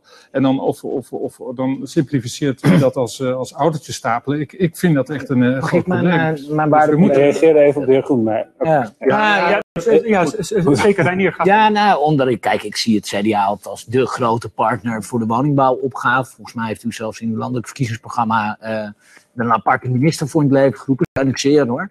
Maar ik ben dan wel benieuwd, oké, we redden het niet met autootjes stapelen. Er is dus meer ruimte nodig. Maar hoe ziet u dan die enorme woningbouwopgave? Dat havenstad, toch denk ik, eh, Nou, de grootste Ik, ik wil toch eventjes, eh, omdat we Ja, gaan zo is- meteen dat naar is wel, dat is wel essentieel. Misschien kan u dat Even een korte opmerking, we gaan kort zo meteen en dan gaan we naar pakken we het wat eh, uitgebreider aan. Maar Oké, nou dan heel kort. Nee, we hebben altijd gezegd, de CDA, je kunt op een aantal plekken in de regio woningen bouwen, maar je kunt maar op één plek een havenbedrijf runnen en dat is aan het water. En dus daar moet je, in- als het daarom gaat, moet je daarvoor kiezen. Er zijn echt nog wel andere. Daar hebben we ook voor gepleit. Nou, eh eh Eiburg 2, eh eh Amstel 3, eh eh de marinetrein. Ja, allemaal. eh de Holland Park bij Diemen. We hebben ook voor, zelf voorgesteld om meer te bouwen. Een, ei, eh, eh, een Eiburg 3 misschien te beginnen. Daar, ik bedoel, het is denk ik beter om daar eilanden op te spuiten dan hier de haveninfrastructuur te moeten verplaatsen, wat nog veel duurder is. Hala, ik Dus er zie jou zijn echt- knikken. Ben je het daarmee eens? Ja, ik denk dat Dirk een, een, cruciaal punt eh, maakt. Ik zit met verbazing wel een beetje te kijken naar het verhaal van Jasper. Want eh, ja, natuurlijk moet het haven verdichten voordat het op zoek gaat naar nieuwe ruimte. Het zou een beetje vreemd zijn als je nog heel veel eh, plekken ziet in de huidige ruimte, maar eigenlijk je alvast op zoek gaat naar nieuwe ruimte. Maar ik denk dat het dat eh, de heer Overtoom ook eigenlijk aan zijn achterban verplicht is om in het belang van de continuïteit van het havenbedrijf nu al op zoek te gaan. Daar was ik het ook met Renier eens. Nu alvast te gaan nadenken. Stel, we zijn uitverdicht, zeg maar. Er is ook in de huidige ruimte geen, geen plek meer. Wat zijn dan de uitbreidingslocaties? En dan is de Houtrakpolder wat mij betreft ook echt een hele cruciale. Dus ik ben ook benieuwd of eh, GroenLinks het ook te ontpolderen. eh, zodat de haven daar naartoe kan gaan en wij dan de ruimte van de haven hier kunnen gebruiken voor, voor woningbouw. Maar ik denk wat Dietrich Bamsma zegt is cruciaal. We hebben geprobeerd vorig jaar, precies rond deze tijd, een voorstel gedaan voor het eh, opspuiten van nieuwe eilanden bij Eiburg 3. Hebben helaas eh, de collega's hier aan tafel tegengestemd. En waarom is dat cruciaal? Je kan het natuurlijk het leven van de haven makkelijker maken als dat haven minder snel in de verdrukking en de verdringing komt. Doordat wij, doordat het haven aan de ene kant eh, verdicht, maar wij ook aan de andere kant proberen om locaties waar op dit moment geen bedrijvigheid is en waar je gewoon uit het niets woningen kunt creëren, om daar naartoe te gaan, zodat je eigenlijk de druk op het haven kunt, kunt verlichten. Dus volgens mij is het en en. Natuurlijk moet de haven verdichten, maar mo- moet ook natuurlijk toekomstperspectief hebben om te kunnen uitbreiden. Dan is Houtrakpolder natuurlijk wel een hele cruciale. Overigens, die komt pas in beeld. Eh, begrijp ik uit de overeenkomst, als het haven ook eh, eerst heeft, heeft verdicht. Dus dat komt allemaal achter elkaar, heel mooi. Maar de stad Amsterdam is het ook aan het haven verplicht om de locaties die niet zozeer rondom haven zijn, zoals Eiburg 3, om die op te spuiten. Daar hebben VVD en CDA vorig jaar voorstel voor gedaan, is helaas weggestemd. En dat is een super grote teleurstelling geweest voor ons. Ja, ik ga zo meteen met jullie kijken naar andere plekken waar we dan eh, mogelijk kunnen, kunnen uitbreiden. Maar ik noem graag eventjes de volgende stelling. Eh, en die luidt, Amsterdam moet het ruimteprobleem samen oppakken met de gemeente Haarlemmermeer en Schiphol. Ja, bent u daarmee eens of oneens? De stelling komt in beeld en eh, we horen graag wat u ervan vindt. Maar ik begin eerst eventjes jou, uh, Hala. Hoe sta jij daarin? Nou, ik was wel blij met de bijdrage van, van de wethouder, omdat het echt een uitgestoken arm. eh, Kijk, ik neem je mee terug naar twee jaar geleden, Havengilde diner eind 2018. De oorlogsverklaring kwam even eh, ter, ter sprake met, eh, met Kees Norman, de voorganger van eh Everhard, die eigenlijk op het Havengilde diner zegt, u moet weg. U Ja. moet weg omdat we eh, woningen nodig Ja. hebben. Dat is natuurlijk ongekend. Hè? Je bent de wethouder haven. En je zegt eigenlijk tegen mensen die naar jou kijken voor de belangenbehartiging van hun, zegt ja, sorry, het spijt me u moet weg, we gaan bouwen. Ehm, vorig jaar een paar burgemeesters die de pers moesten opzoeken om te zeggen Amsterdam eh, trekt eh, met, zichzelf, we worden niet betrokken. Er was Haarlemmermeer, Amstelveen. En als je als eh, burgemeester van een naburige gemeente van Amsterdam dusdanig wanhopig bent dat je het parool in dit Ja. geval moest opbellen om te zeggen van nou, we worden niet betrokken. Ja. Er is geen samenwerking, betrek ons. ja. Ik las het in de krant. Ja. Dit is niet eh, voor eh, met mij besproken. Ja, dan denk ik van dat kan echt niet. Dus we zijn juist sterk als Amsterdam. Omdat we metropoolregio zijn. Omdat we fantastische naburige gemeentes hebben. Die heel graag met ons willen samenwerken. Nou, ik begreep dat Hart van der Laan dat ook heel graag eh, deed. De nieuwjaarstoespraak van burgemeester Halsema dit jaar. Het lijkt heel lang geleden, maar het is nog maar elf maanden geleden. Dat was heel belangrijk om te zeggen, nou, wat we hebben gedaan als start van dit stadsbestuur was niet goed. Vanaf nu gaan we samen optrekken. Ik hou haar aan haar woorden. Ja. Ik hou deze Ja, dus even wethouder met, aan an- dus zijn met, woorden. even Dat met is andere woorden, heel belangrijk. de vraag die daar aan de grondslag ligt is vooral neem andere gemeentes mee als je dus andere plannen hebt. Want we hebben ze Ik- nodig. ik Kijk naar die knikken. houtraadpolder. Ja, ik denk dat het echt heel belangrijk is om dit eh, regionaal aan te pakken. En die regionale blik en die regionale samenwerking te versterken. Veel te lang heeft ook Amsterdam ja, te zeer vanuit zichzelf gedacht. We gaan alles oplossen binnen de gemeentegrenzen van Amsterdam. Want dat is Amst- dat, ja, daar moet je nu vanaf. Die knop moet nu echt om. We kunnen dat, die enorme ruimtelijke uitdaging alleen aan als je, ruim, als je dat in de regio ziet. En eh, ja, ik hoop dus zeer dat, eh, dat die knop nu eindelijk een keer is omgezet. Ja, en maar als het dan bijvoorbeeld gaat over Schiphol, Haarlem en meer meenemen. Hoe kijk jij daarnaar? Ik begrijp, jij belt dan wel eens met de, met de andere lokale fracties. eh, Ja. En in dit geval de VVD. Ja, is dat iets waar jullie dan samen Kijk, optrekken? ik ben woord voor de ruimtelijke ordening. En je kan pas ordenen op het moment dat je dat ook natuurlijk niet alleen maar binnen de gemeentegrenzen doet, maar ook eh, eh, daarbuiten doet. En in dit geval, kijk, het is heel vaak zo, dat is grappig aan de Amsterdamse context. Heel vaak hebben kleine gemeentes de grote stad nodig. Ja. Maar we zitten in een unieke situatie dat nu de grote stad de kleine gemeentes nodig heeft. Zoals die Houtrakpolder, waar wij naar Gem- Haarlemmermeer moeten, moeten kijken. Dus ehm, we hadden laatst hadden we discussie over de volkstuinen bij Ouderkerk aan, de- aan de Amstel. Ja, dan Ja. bel ik daar met een paar Ja. gemeenteraadsleden Ja. van hoe kijk je naar de samenwerking met, met Ja, dat is Amsterdam? goed. Ja, zeker. Nou, omdat eh de Haarlemmermeer, nou, nee, is toch een echte VVD-gemeente. Dus ik denk, nou, dan kunnen we makkelijk zaken doen. Maar ja, Ruiksloot, mijn oude, zeer gewaardeerde collega, gaat er volgens mij over. Ja. Nou, hier aan tafel, u zegt eh, de Houtrakpolder eh, morgen doen. Ja. Maar, maar wat is dan de blokkade bij de VVD en de Haarlemmermeer om het, om het nog niet te doen? Volgens mij is er geen blokkade. Volgens mij is er bij de herindeling, hebben ze dit als bruidschat meegekregen. Dus uitgesproken Van, eh, eh, eh, dat het polder... Er wordt nog even niks mee gedaan. Precies, dat het polder blijft. Maar volgens mij zijn ook afspraken. Die worden voor, zo- voor zover ik weet en ook uit de persuitlatingen van Haarlemmermeer. Uiteraard. Ja, worden die niet betwist. Dat op het moment dat de haven verdicht heeft, dus alles heeft uitgeput, dat er dus wel degelijk gekeken kan worden naar de huidrakpolder. Maar er zit een volgordelijkheid. Dat je toch te laat? Je moet toch nu al die, eh, die processen dan in Ja, werking daarom- Je kunt er niet wachten tot de haven vol is. Nee, zeker. Maar daarom was ik ook eens met wat Reinier eh, zei. Eh, ik vind ook echt dat we toekomstperspectief moeten bieden. Want het is heel belangrijk voor de continuïteit van het haven. dat het ook weet waar het over 30, 40 jaar is. Maar ik denk dat de haven zich ook beseft dat het pas naar de houtrakpolder kan gaan op het moment eh, alles ingedicht en efficiënt is, is ingericht. Ja, want Dus laten we even concreet Ja, maken. daar zou, daar, daar zou ik dan willen toevoegen. Hè? Want op zich de stelling is een no-brainer. Iedereen is voor regionale samenwerking. ja. Als dat dan betekent dat de Haarlemmermeer de Houtrakpolder moet, moet, moet offeren, zodat de haven snel kan uitbreiden, dan zeggen wij nee. Dat had ik al toegelicht. Ja, maar volgens mij ben je er, er, is nog, er is nog aan jaren. Maar Jasper, jaren waarom niet? in de- in de- Want in- GroenLinks Amsterdam is groot geworden met de belofte voor woningbouw. En we kunnen woningbouw volgens mij enkel realiseren op het moment dat we bedrijven die daar nu zitten, eh, perspectief kunnen bieden waar ze eventueel naartoe kunnen gaan. Dus wat mij betreft breek je nu een verkiezingsbelofte door te zeggen, nou ja, ik wil woningbouw, Nee, nee, maar ze nee, hoeven nee, niet te verhuizen. Maar volgens mij gaat Jasper er helemaal niet over. Ah, dat- Zitten ah, jullie daar in het college? Dat is, dat is de, nee, nee, nee, ja, zeker niet. Nee, maar de, de woningbouw moet, moet, moet sowieso. Het, het uitplaatsen, daar is nog genoeg ruimte voor in de haven. Ik zeg trouwens ook wel eens, dat is nu nog een beetje iets wat we moeten gaan verkennen.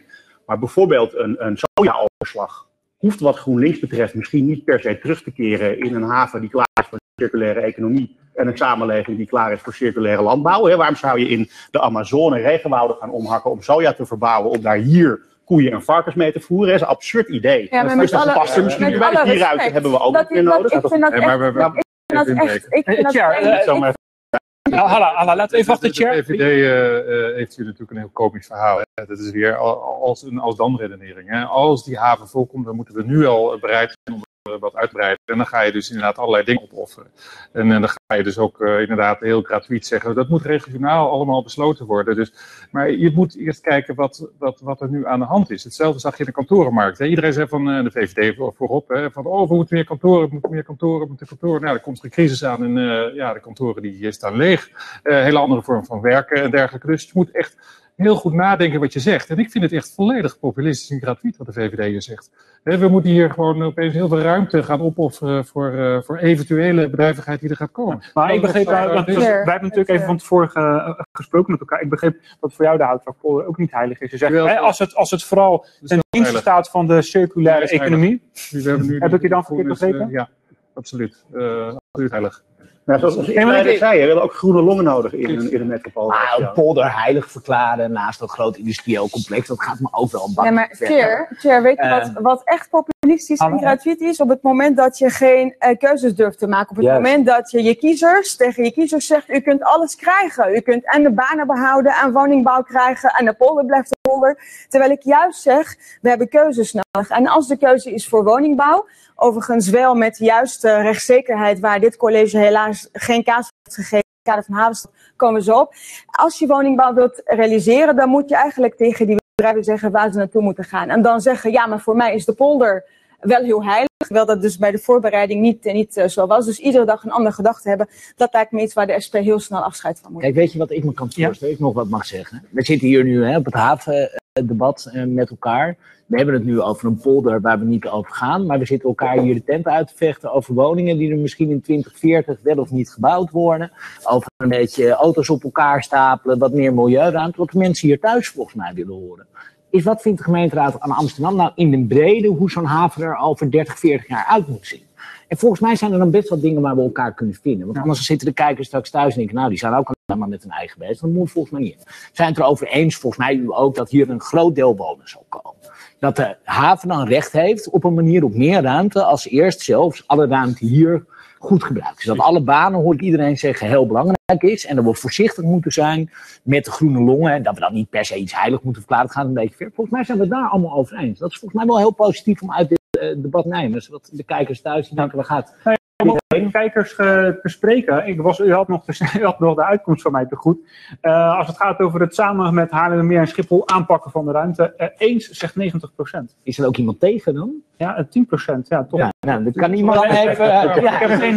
Ja, Ja, maar dat, daar ben ik dan namelijk ook ja, maar dat, is, dat, is toch een, Nou ja, heeft u... dat, is, dat is toch een hele interessante minderheid die je ook... eh, Ja, die moet je ook een geluid geven. Maar ik, ik, ik- denk, eh, laten we geen misverstand erover staan. Er, er kan hier wel degelijk eh, genuanceerd worden eh, in, de- in deze stelling. En ik denk dat het echt heel belangrijk is dat je, als je politiek keuzes maakt, dat je zegt van eh, bepaalde groene longen zijn wel heilig in deze tijd. Eh, zeker als, de- als de haven zelf haar eh, duurzame ambitie eh, eh, presenteert. Zeker als je dus kijkt in een crisis. Waar ga je naartoe? Waar ga je als economie Ja. naartoe? Dat is nog volstrekt onzeker. Als het dus gaat over die eh, die is voor jullie niet heilig, voor jullie niet heilig, voor jou volgens mij ook niet. Dus Nee, eh, nee. volgens mij zitten we wel Maar- met... ik vind het opvallend dat je kunt allerlei dingen heilig verklaren, maar dan eh, wat je dus steeds ziet is dan de, dat de economische bedrijvigheid, eh, de industrie dan het onderspit delft. Dus de houthakpolder is heilig, want groene long. Verder eh, zegt de heer Van Dant, zich zegt ook zegt van ja, woningen dat moet sowieso. Alleen ik vind dat je moet zeggen, het is inderdaad een complexe belangenafweging. Alleen de afgelopen jaren bedrijven te weinig aandacht gekregen en is er te weinig oog geweest voor het belang van die bedrijven. En in de afweging die nu moeten maken, moeten we dat wel onder ogen komen. Maar er is, er, is, er, is, er per definitie genoeg ruimte voor de huidige economische bedrijvigheid, want die gaat zijn gang. En we hebben net geïdentificeerd dat er nog veel meer ruimte is waar extra bedrijvigheid kan komen. Dan zijn we toch niet aan het beknibbelen op economische bedrijvigheid. We kunnen het gewoon vaststellen. Er is genoeg ruimte, er blijft genoeg ruimte. Het gaat de goede kant op. Mooie afsluiting van deze stelling. We moeten door naar de volgende stelling, want de tijd schrijdt voort. Eh zometeen eh, is nog alle ruimte om te reageren. Want de derde stelling luidt: Amsterdam eh, moet met omliggende, ge- moet met gem- omliggende gemeenten. eh, wacht eventjes, ik lees hem toch even hier. van hele complexe Want anders ga stelling. ik inderdaad even, anders ga ik, ga ik hakkelen. Ehm, Amsterdam moet omliggende gemeente aandeelhouder maken van het havenbedrijf in ruil voor havengrond. En dan hebben we het toch inderdaad over dat aandeelhouderschap. Diederik, ik begrijp, jij zegt, je gaat verder en zegt ik betrek de provincie en het eh Rijk erbij. Ja, ik denk dat het heel verstandig is, uh, uh, wat de heer Noorman ook eerder zei uh, van de ORAM, over het belang van regionale samenwerking. Dit is één manier om die toch te verbeteren, inderdaad met omliggende gemeenten. Maar daar, dat geldt dan denk ik ook voor de provincie. Dus ik zou dan ervoor zijn om ook uh, te kijken of de provincie misschien aandeel kan nemen. Uh, en ook het Rijk. Want uiteindelijk is het inderdaad een internationale haven. Dus het gaat ook om hele grote uh, belangen die veel verder rijken nog dan Amsterdam, maar ja. ook dan de provincie. Dus we ook kijken of we met het Rijk samen. Ik ja. denk dat het heel goed Hij is. noemde het net al, was in Rotterdam natuurlijk het geval. Ja, precies. Ja, ja Jan Jasper, jij vertelde ja, nee, lijkt me geen goed idee. Ik, ik plaats A vraagtekens bij de noodzaak om, uh, om uit te breiden. Dat, dat bleek al net in het, in het debat Ja. dat we uitgebreid gevoerd hebben. Dus dan is het de vraag of het, uh, of het überhaupt nodig Wat is. überhaupt nodig is, ja. En ik vond het wel mooi hoe Kees Norman het ook omkatte van aandeelhouderschap naar stakeholderschap. Hè? Ik denk dat het superbelangrijk is dat we, dat we andere partijen zoals Europa, andere havens uh, betrekken, raadplegen, goed samenwerken. ja wat nu al dat we gebeurt, kokert alleen maar... initiatief volgens mij op het gebied van waterstof. Ja, ja, en voor mij wordt in, in ARA-verband ook goed samengewerkt en zo. Maar ik vind het wat anders om die andere partijen ook zeggenschap uh, uh, te geven over de Amsterdamse haven. Uh, en ik kan dat ook heel plat zeggen. Zolang Amsterdam een, een echt progressief en duurzaam stadsbestuur heeft. en, en wij publieke doelstellingen hebben met onze haven, geef ik de zeggenschap liever niet uit handen aan, aan provincie of, of de haven Rotterdam, die toch andere opvattingen heeft over, over wat je met je haven wil. Ja. Mag ik daar een vraag Uh, ja, zeker. Wat, heeft, uh, wat zou uitbreiding van aandeelhouders te maken hebben met progressieve stadsbestuur? Waar het volgens mij om gaat is dat de haven is van invloed op zoveel levens van mensen binnen Amsterdam en daarbuiten. Uh, dat zijn zoveel gemeentes die geraakt worden door het haven en de bedrijfsvoering van de haven. Ik zou zeggen, hoe meer betrokken aandeelhouders je hebt, hoe meer vreugd uh, in, het, in het uh, leven. Ja. het moet niet te, te, complex worden, dus je moet niet aandeelhouders vragen voor 1 of 2 procent belang, want dan, dan wordt het wel heel complex. Dus daar zou ik geen voorstander van zijn. Maar ik zou niet per se willen zeggen dat als het havenbedrijf meer aandeelhouders krijgt, dat dan het stadsbestuur opeens niet uh, progressief is. Want dan kan ik ook een paar, uh, paar voorbeelden. Waar het volgens mij om gaat is dat je... Heel zo, en de stadsbestuur is zo progressief, daar doen die aandelen geen afbreuk aan. nou, ja. ik, ik, ik zou willen zeggen, je moet niet vanuit je eigen progressieve ideeën denken. Je moet denken van wat is in het belang van het havenbedrijf. En als het havenbedrijf zelf vraagt, uh, ook de ondernemersvereniging vraagt van, nou ja, sta ons toe meer aandeelhouders te hebben in plaats van enkel afhankelijk te zijn van gemeente Amsterdam. Dan moet je van hele goede huizen komen. Wil je dat denk ik van tafel wegwuiven als ja, ik ben progressief, ik ga niet, uh, ik ga niet in Rot ja, met, met Rotterdam uh, in, in zee. Ja, want, Reinier, want, want, want, want, want heeft de gemeente te veel de touwtjes in handen? Nou ja, de gemeente is uh, de, volgens mij al sinds de oprichting van de stad de eigenaar ja. van de haven. Dus ik denk niet zo gek dat we nu ook ja, nee, tuurlijk, zeker. Maar, uh, maar wat ik nu wel. Gaan ze een boekje te buiten, laat ik het dan zo zeggen? Uh, nee, de gemeente doet hun werk zoals de havenbedrijven hun werk en de klanten van havenbedrijf. Iedereen zijn eigen belang. Ja. De gemeente moet een bredere afweging maken. Wat ik nu wel zie, en dat vind ik een interessante tendens, is dat niet alleen de wereld internationaliseert, maar ook echt de uitdagingen die we hebben, bijvoorbeeld op verduurzaming, die moet je echt breder zien dan de gemeente Amsterdam. Hè. We leven allemaal van één wereld en dat lossen we niet in Amsterdam op. Um, ik vind het dus wel zinnig om na te denken, kan je dat stakeholders nou uitbreiden, maar ook zeker, en daar hebben we de heer Boomsma bij nodig, want die heeft het telefoonnummer van de, wet, van de minister van Financiën, uh, wat het Rijk daarin gaat doen. Want als wij echt zo'n waterstofknooppunt ja. willen worden en echt die aanjager van de groene energie, dan heb je natuurlijk niet, uh, gewoon, ja, kan je eigenlijk niet om het Rijk heen. En wat prettig is, is ook uh, voor een heel groot aandeel aandeelhouder in Schiphol. En daar kan je zo weer wat dingen ja. regelen. Dat, ja, en dat was natuurlijk ook de achtergrond van de vorige stelling. Ik zie jou. Uh, ja, ik, ik, kijk, het is, het is net alsof, alsof de haven uh, daar niet zijn, zijn eigen contacten voor heeft. Hè? Dus uh, nee. ik, ik, vind het, je moet eigenlijk meer vanuit de haven zelf redeneren. die, die levert ons al heel veel informatie over hoe energietransitie voor, voor de regio op grote schaal kan. Er zijn contacten met, met, met de tenants van deze wereld. Er zijn contacten met dingen. Dus om maar weer aandeelhouders extra aandeelhouders uh, uh, aan tafel te krijgen. Ik denk dat dat uh, eigenlijk alleen maar bijdraagt aan een bestuurlijke spaghetti.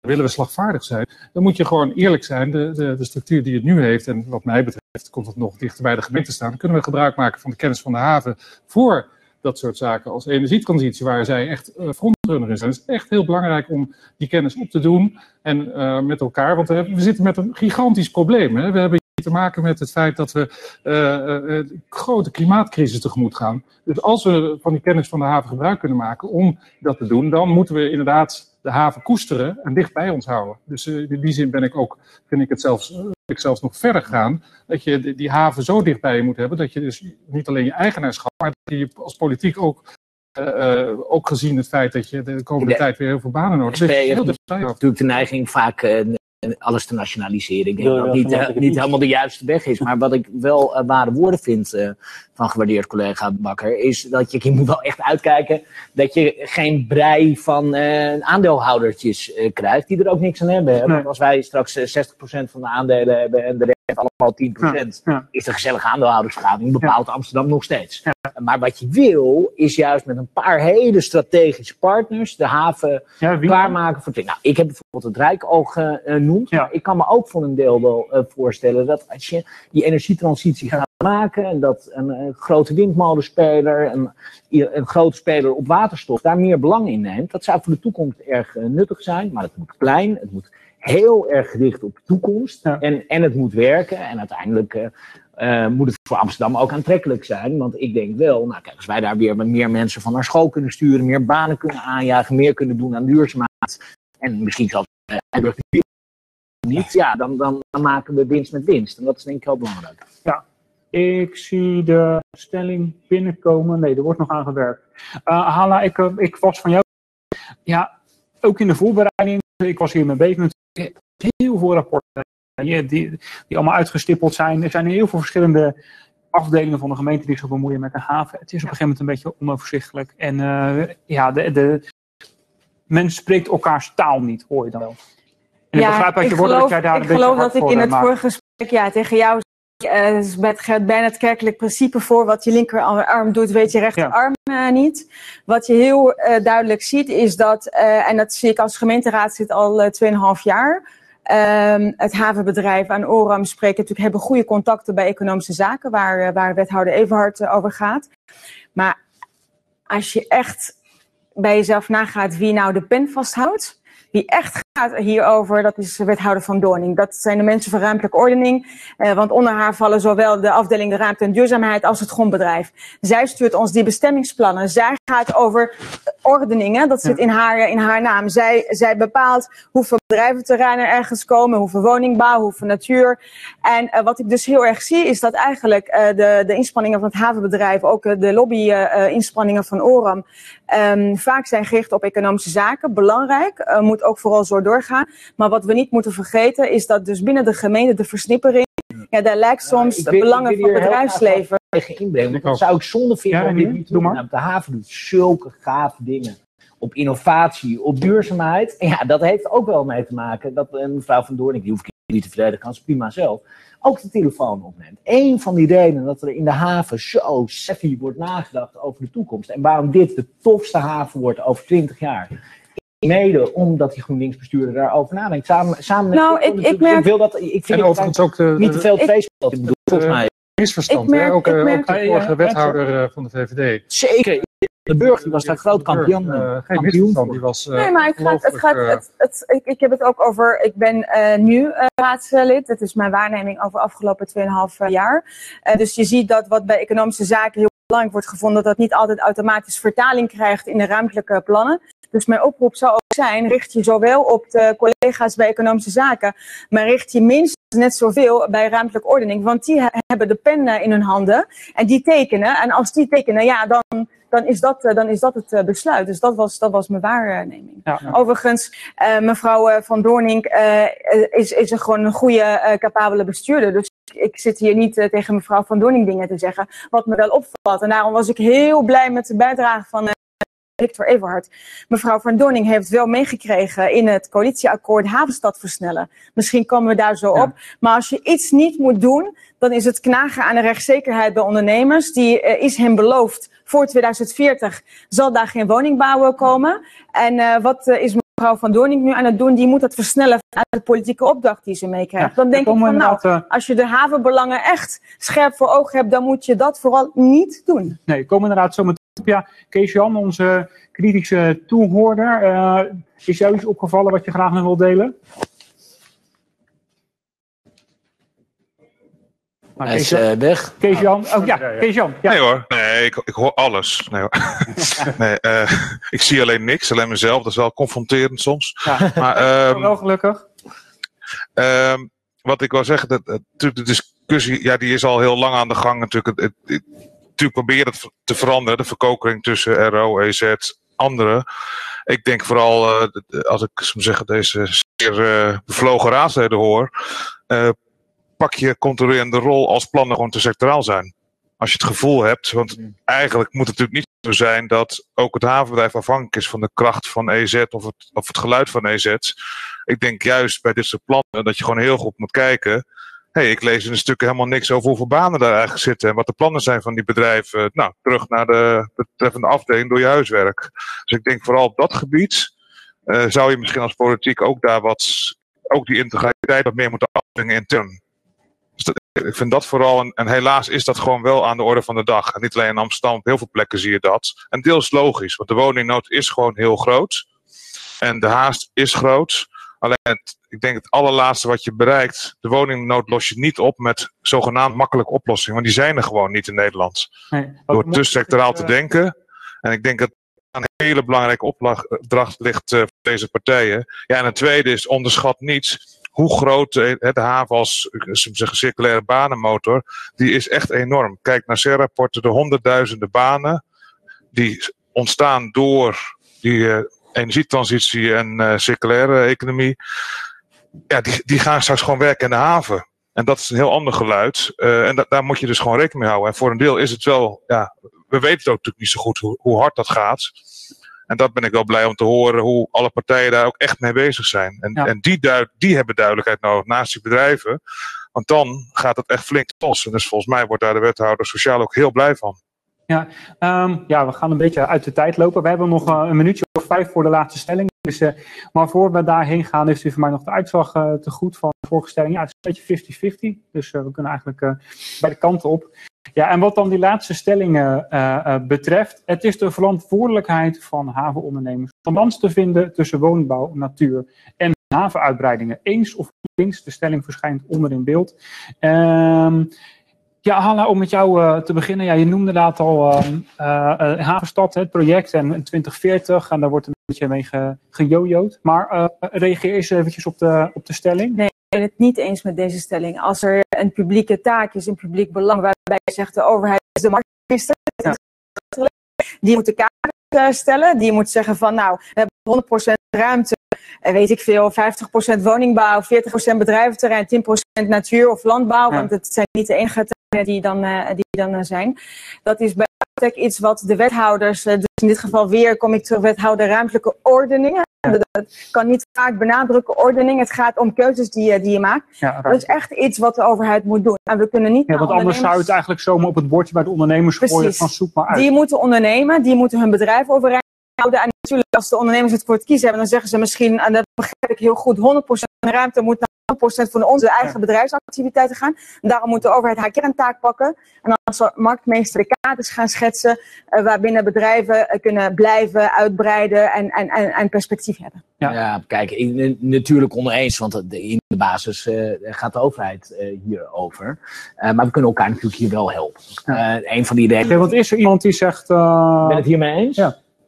Nou, aansluitend op. Precies wat jij zegt, de overheid moet, moet kaders verantwoordelijkheid nemen, zeggen daar willen we publiek heen. Ja. Eh, zoals we bijvoorbeeld met steenkolen gedaan hebben, gezegd dat moet eruit. Toen heeft de haven dat moeilijke gesprek gevoerd met die steenkolen eh, terminals. Gezegd, nou, dat, is dus de opdracht, dat is waar, waar, waar we heen gaan eh, met de haven.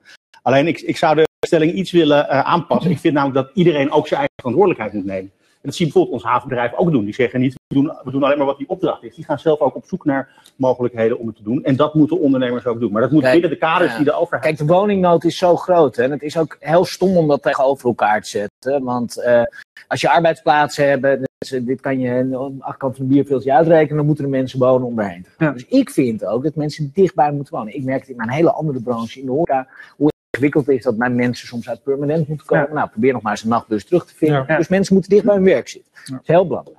Dat betekent wel dat we aan de haven kunnen vragen: denk nou mee. We respecteren alle rechten, maar misschien kunnen we eh, wat sneller, kunnen we wat minst maken. Hè? Dat is volgens mij een gesprek wat je kan voeren. Daar hoef je, hè, we mogen best een beetje wielen en dealen met elkaar. Hmm. Snappen ondernemers ook. En dat je tegelijkertijd tegen die ondernemers zegt: jongens, moet je luisteren, we hebben echt wel ambitie dat hier meer wonen komt. Dus als je nou echt een activiteit wil ontplooien die daar niet mee te verenigen is, laten we dan nu al in gesprek gaan hoe jouw toekomst eruit ziet. Ja. Dat zou ik eigenlijk fair vinden. En dat vraagt wat van ondernemers, vraagt wat van de stad, vraagt wat van het haven. Maar Hanna, jij zegt natuurlijk wel van ja, maar het is ooit wel beloofd. Hè?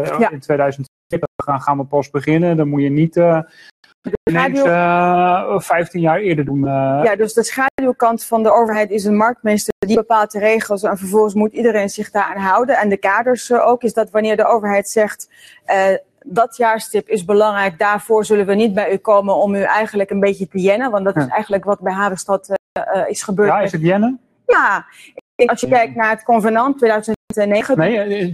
Ja, het- het- het- Nee, ik, ik, Misschien kan ik, kan ik het punt uitleggen. Dus Er is, er is rechtszekerheid verleend door te zeggen: eh, u hoeft niet weg te gaan voor 2040. Sterker, het coalitieakkoord van de vorige periode heeft dat herhaald. Dus er is twee keer. Eh, hebben eh bedrijf, eh, ondernemingen rechtszekerheid kunnen ontlenen aan die toezeggingen van de gemeente. En wat doet dit stadsbestuur? Die zegt, ja, we gaan Havenstad toch versnellen. Dan denk ik, nou, dat vind ik ontzettend jammer. Want als er iets is wat je niet moet doen, dan is het knagen aan zekerheid en rechtszekerheid die jouw voorgangers Ja, ruimtelijke nou, ordening ja, ik heb dat al eerder wethouder. eh, geen misverstand eh, was eh, die, Ja, dat was Erik van den Burg. Ja, die daar dat was een degelijk En dat zat niet in deze coalitie. heel strak beleid. Ja, het is gewoon waar. het is deze coalitie die nee, heeft nee, aangegeven het nee, gaat versnellen in laten we haven. Nee, dat was Erik van den. Burg. Nee, hoor. Ik denk dat Nee, het dat is belangrijk is wat deze stelling eigenlijk wil zeggen. eh, laat ondernemers ondernemen. En ik denk dat dat wel heel belangrijk is voor deze Ja. stad en voor deze haven. Ik denk dat het havenbedrijf heel duidelijk heeft aangegeven welke richting op het wil. Hè. Maakindustrie, circulaire economie. Eh, dat zijn de zaken waar we dus de ondernemers in moeten ondersteunen. En natuurlijk heb je daar marktmeester voor nodig. Maar we moeten beseffen dat we in een enorme crisis zitten. Een enorme uitdaging. En wat de heer Pen ook terecht zegt. We moeten inderdaad alle zeilen bijzetten. Eh, dat soort metaforen moet je altijd praten als je erover Ja, ja. praat. We moeten alles doen om eh, die economie eh, de mogelijkheden te geven. En natuurlijk heb je daar te maken met, met, met, met beperkingen. Maar daarin denk ik dat, dat, dat we een grote, grote uitdaging tegemoet gaan. En het is allemaal niet meer zo dat je allerlei eh, proefballonnetjes kunt oplaten. We moeten nu die, die verandering maken. En het, het, het goede aan dit verhaal en het goede aan deze havenvisie is dat er wel degelijk een, een, een- een ambitie wordt uitgesproken om die banenmotor te zijn. Ja. Om wel degelijk voor de stad Amsterdam die economie weer gezond te krijgen. Want we gaan echt met gigantische problemen tegemoet als de toeristische sector uitvalt. Als, als eh, Schiphol eh, grote problemen heeft. Dan zijn wij hier in de haven degene die, eh, die het moeten doen. En die het nog voor de werk moeten zorgen. Eh, over de mensen gesproken, eh 0% is het eens, 100% oneens. Ja. Nou, Ehm, ik had nog één laatste vraag. En in de voorbereiding is me ook een, een, een, voorbeeld opgevallen. Ja, Dame Shipyards. Het idee is dan toch, ja, als daar huizen heel dichtbij komen, dan is het idee, dan, dan moet de boel overkapt worden. Ja, dat lijkt me toch ook niet echt een soort, soort goede oplossing waar echt woningbouw en, en, en havenactiviteiten zo dicht, eh, zo dicht bij elkaar komen. Is daar geen andere oplossing voor te vinden? Daar is misschien wel een andere oplossing voor te vinden. Maar laten we er ook niet al te bang voor zijn. Want er zijn wel meer grote havens waar de stad echt in de haven is getrokken. Ja. En neem Hamburg, kan je fantastisch door de haven wandelen. Dan kan je eraan zitten. Daar is het ook gelukt. Ze moeten ook niet meteen... Ik snap het. Hè? Ik ben zelf ook ondernemer. Op het moment dat een nieuwe buurvrouw komt, eh, kijk ik meteen even... God, gaan we daar, eh, Ja. gaan we daar panari mee krijgen? Nou, dan ga je eens bij elkaar op de koffie. Dan ga je eens wat begrip kweken. Dan isoleren we nog eens een bandje. Zo moet je het doen. Ja. Dat is op kleine schaal. En natuurlijk, je kan niet tegen Dames Shipyards, fantastisch bedrijf, Ja. zeggen, nou, op. Ja. Eh, maar Dame Dus want houdt, er komen woningen. ja, en, maar eh, Dame houdt zoek ook van de stad. Ja. Ik, ik ken die mensen die zullen ook niet zeggen, nou sowieso not in my backyard. Nou, dan moet je in gesprek, ja, dat is bestuur. Ja, Diederik? Nou ja, ehm, politiek is belangen afwegen. En dat is ook deze stelling. En dit is zijn, dat, is, dat is dus aan ons. Bijvoorbeeld bij Dame Shipyards. De gemeente is aan zet. Want de gemeente is de enige partij die het bestemmingsplan kan veranderen om daar woningbouw mogelijk te maken. Op dit moment is dat een scheepswerf en kan dat niet. Ik vind dat je als gemeente dus daar een keuze moet maken en dan duidelijker moet zijn. Je kunt wel beginnen over die banenmotor, maar moet je ook daadwerkelijk bezigen. Ik vind we moeten die schip- scheepswerf behouden voor de stad. Ja, dat betekent dat je daar dus geen woning kunt bouwen. En als iedereen echt dat wel wil doorzetten, wij zijn er niet voor, wij zeggen behoud die wel heel scheepswerf. zwart-wit gedacht. Nee, ja, zo, zo is het. Nou, de wereld heeft zoveel tinten gedaan. Nee, ja, Ja, Hanna? goed. Nou, in dit geval Maar zijn er geen dan. 50 tinten grijs, want die ruimte Ja. is of scheepswerf of woningbouw. Dus ik, ik, eh, dit is wel zo simpel als het, als het simpel eh, eh, zijn eh, kan. Het is wel een hele belangrijke zaak. Waarom is het zo? Ik ken geen enkele haven in de wereld die geen garage heeft. Nee. Dus schepen komen en jou, die vervoeren goederen en eh, er gaat iets los of er iets kapot. En dan moet je ergens naar een garage om die schip te maken. Nou, als je eigenlijk tegen dame zegt, u heeft geen toekomst in Amsterdam, zeg je eigenlijk tegen het havenbedrijf, eigenlijk ehm, heeft u geen toekomst in Amsterdam. Dit is een treurige zaak, maar heeft een positieve einde.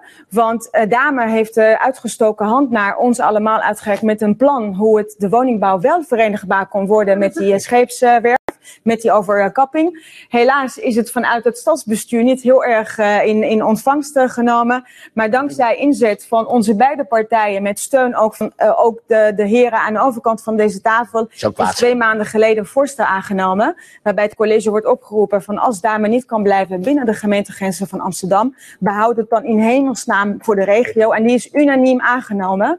En dat is toch wel een Nou, hele positieve noot Laatste om hier woord voor eh. Diederik. Nou goed, ik, mijn verweet je zwart-wit eh, te denken, maar je moet gewoon keuzes maken. En ook als je kiest voor eh eh, scheepswerk verplaatsen, dan moet je dat mogelijk maken. Dan moet je eerlijk in gesprek. En dat, eh, dan moet je ook eh dame ondersteunen om dan ergens anders te vestigen. En ADM-terrein. als het, eh, nou ja, dan, ja, dat heeft dan ook een consequentie. Je kunt niet precies dezelfde scheepswerf daar dan hebben.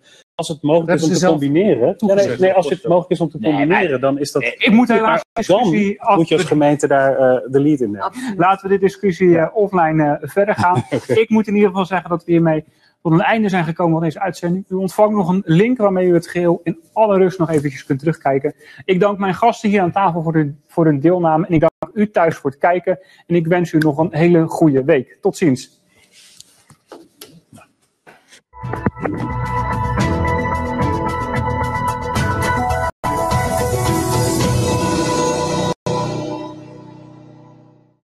Haven Amsterdam is mogelijk gemaakt door Port of Amsterdam en ORAM.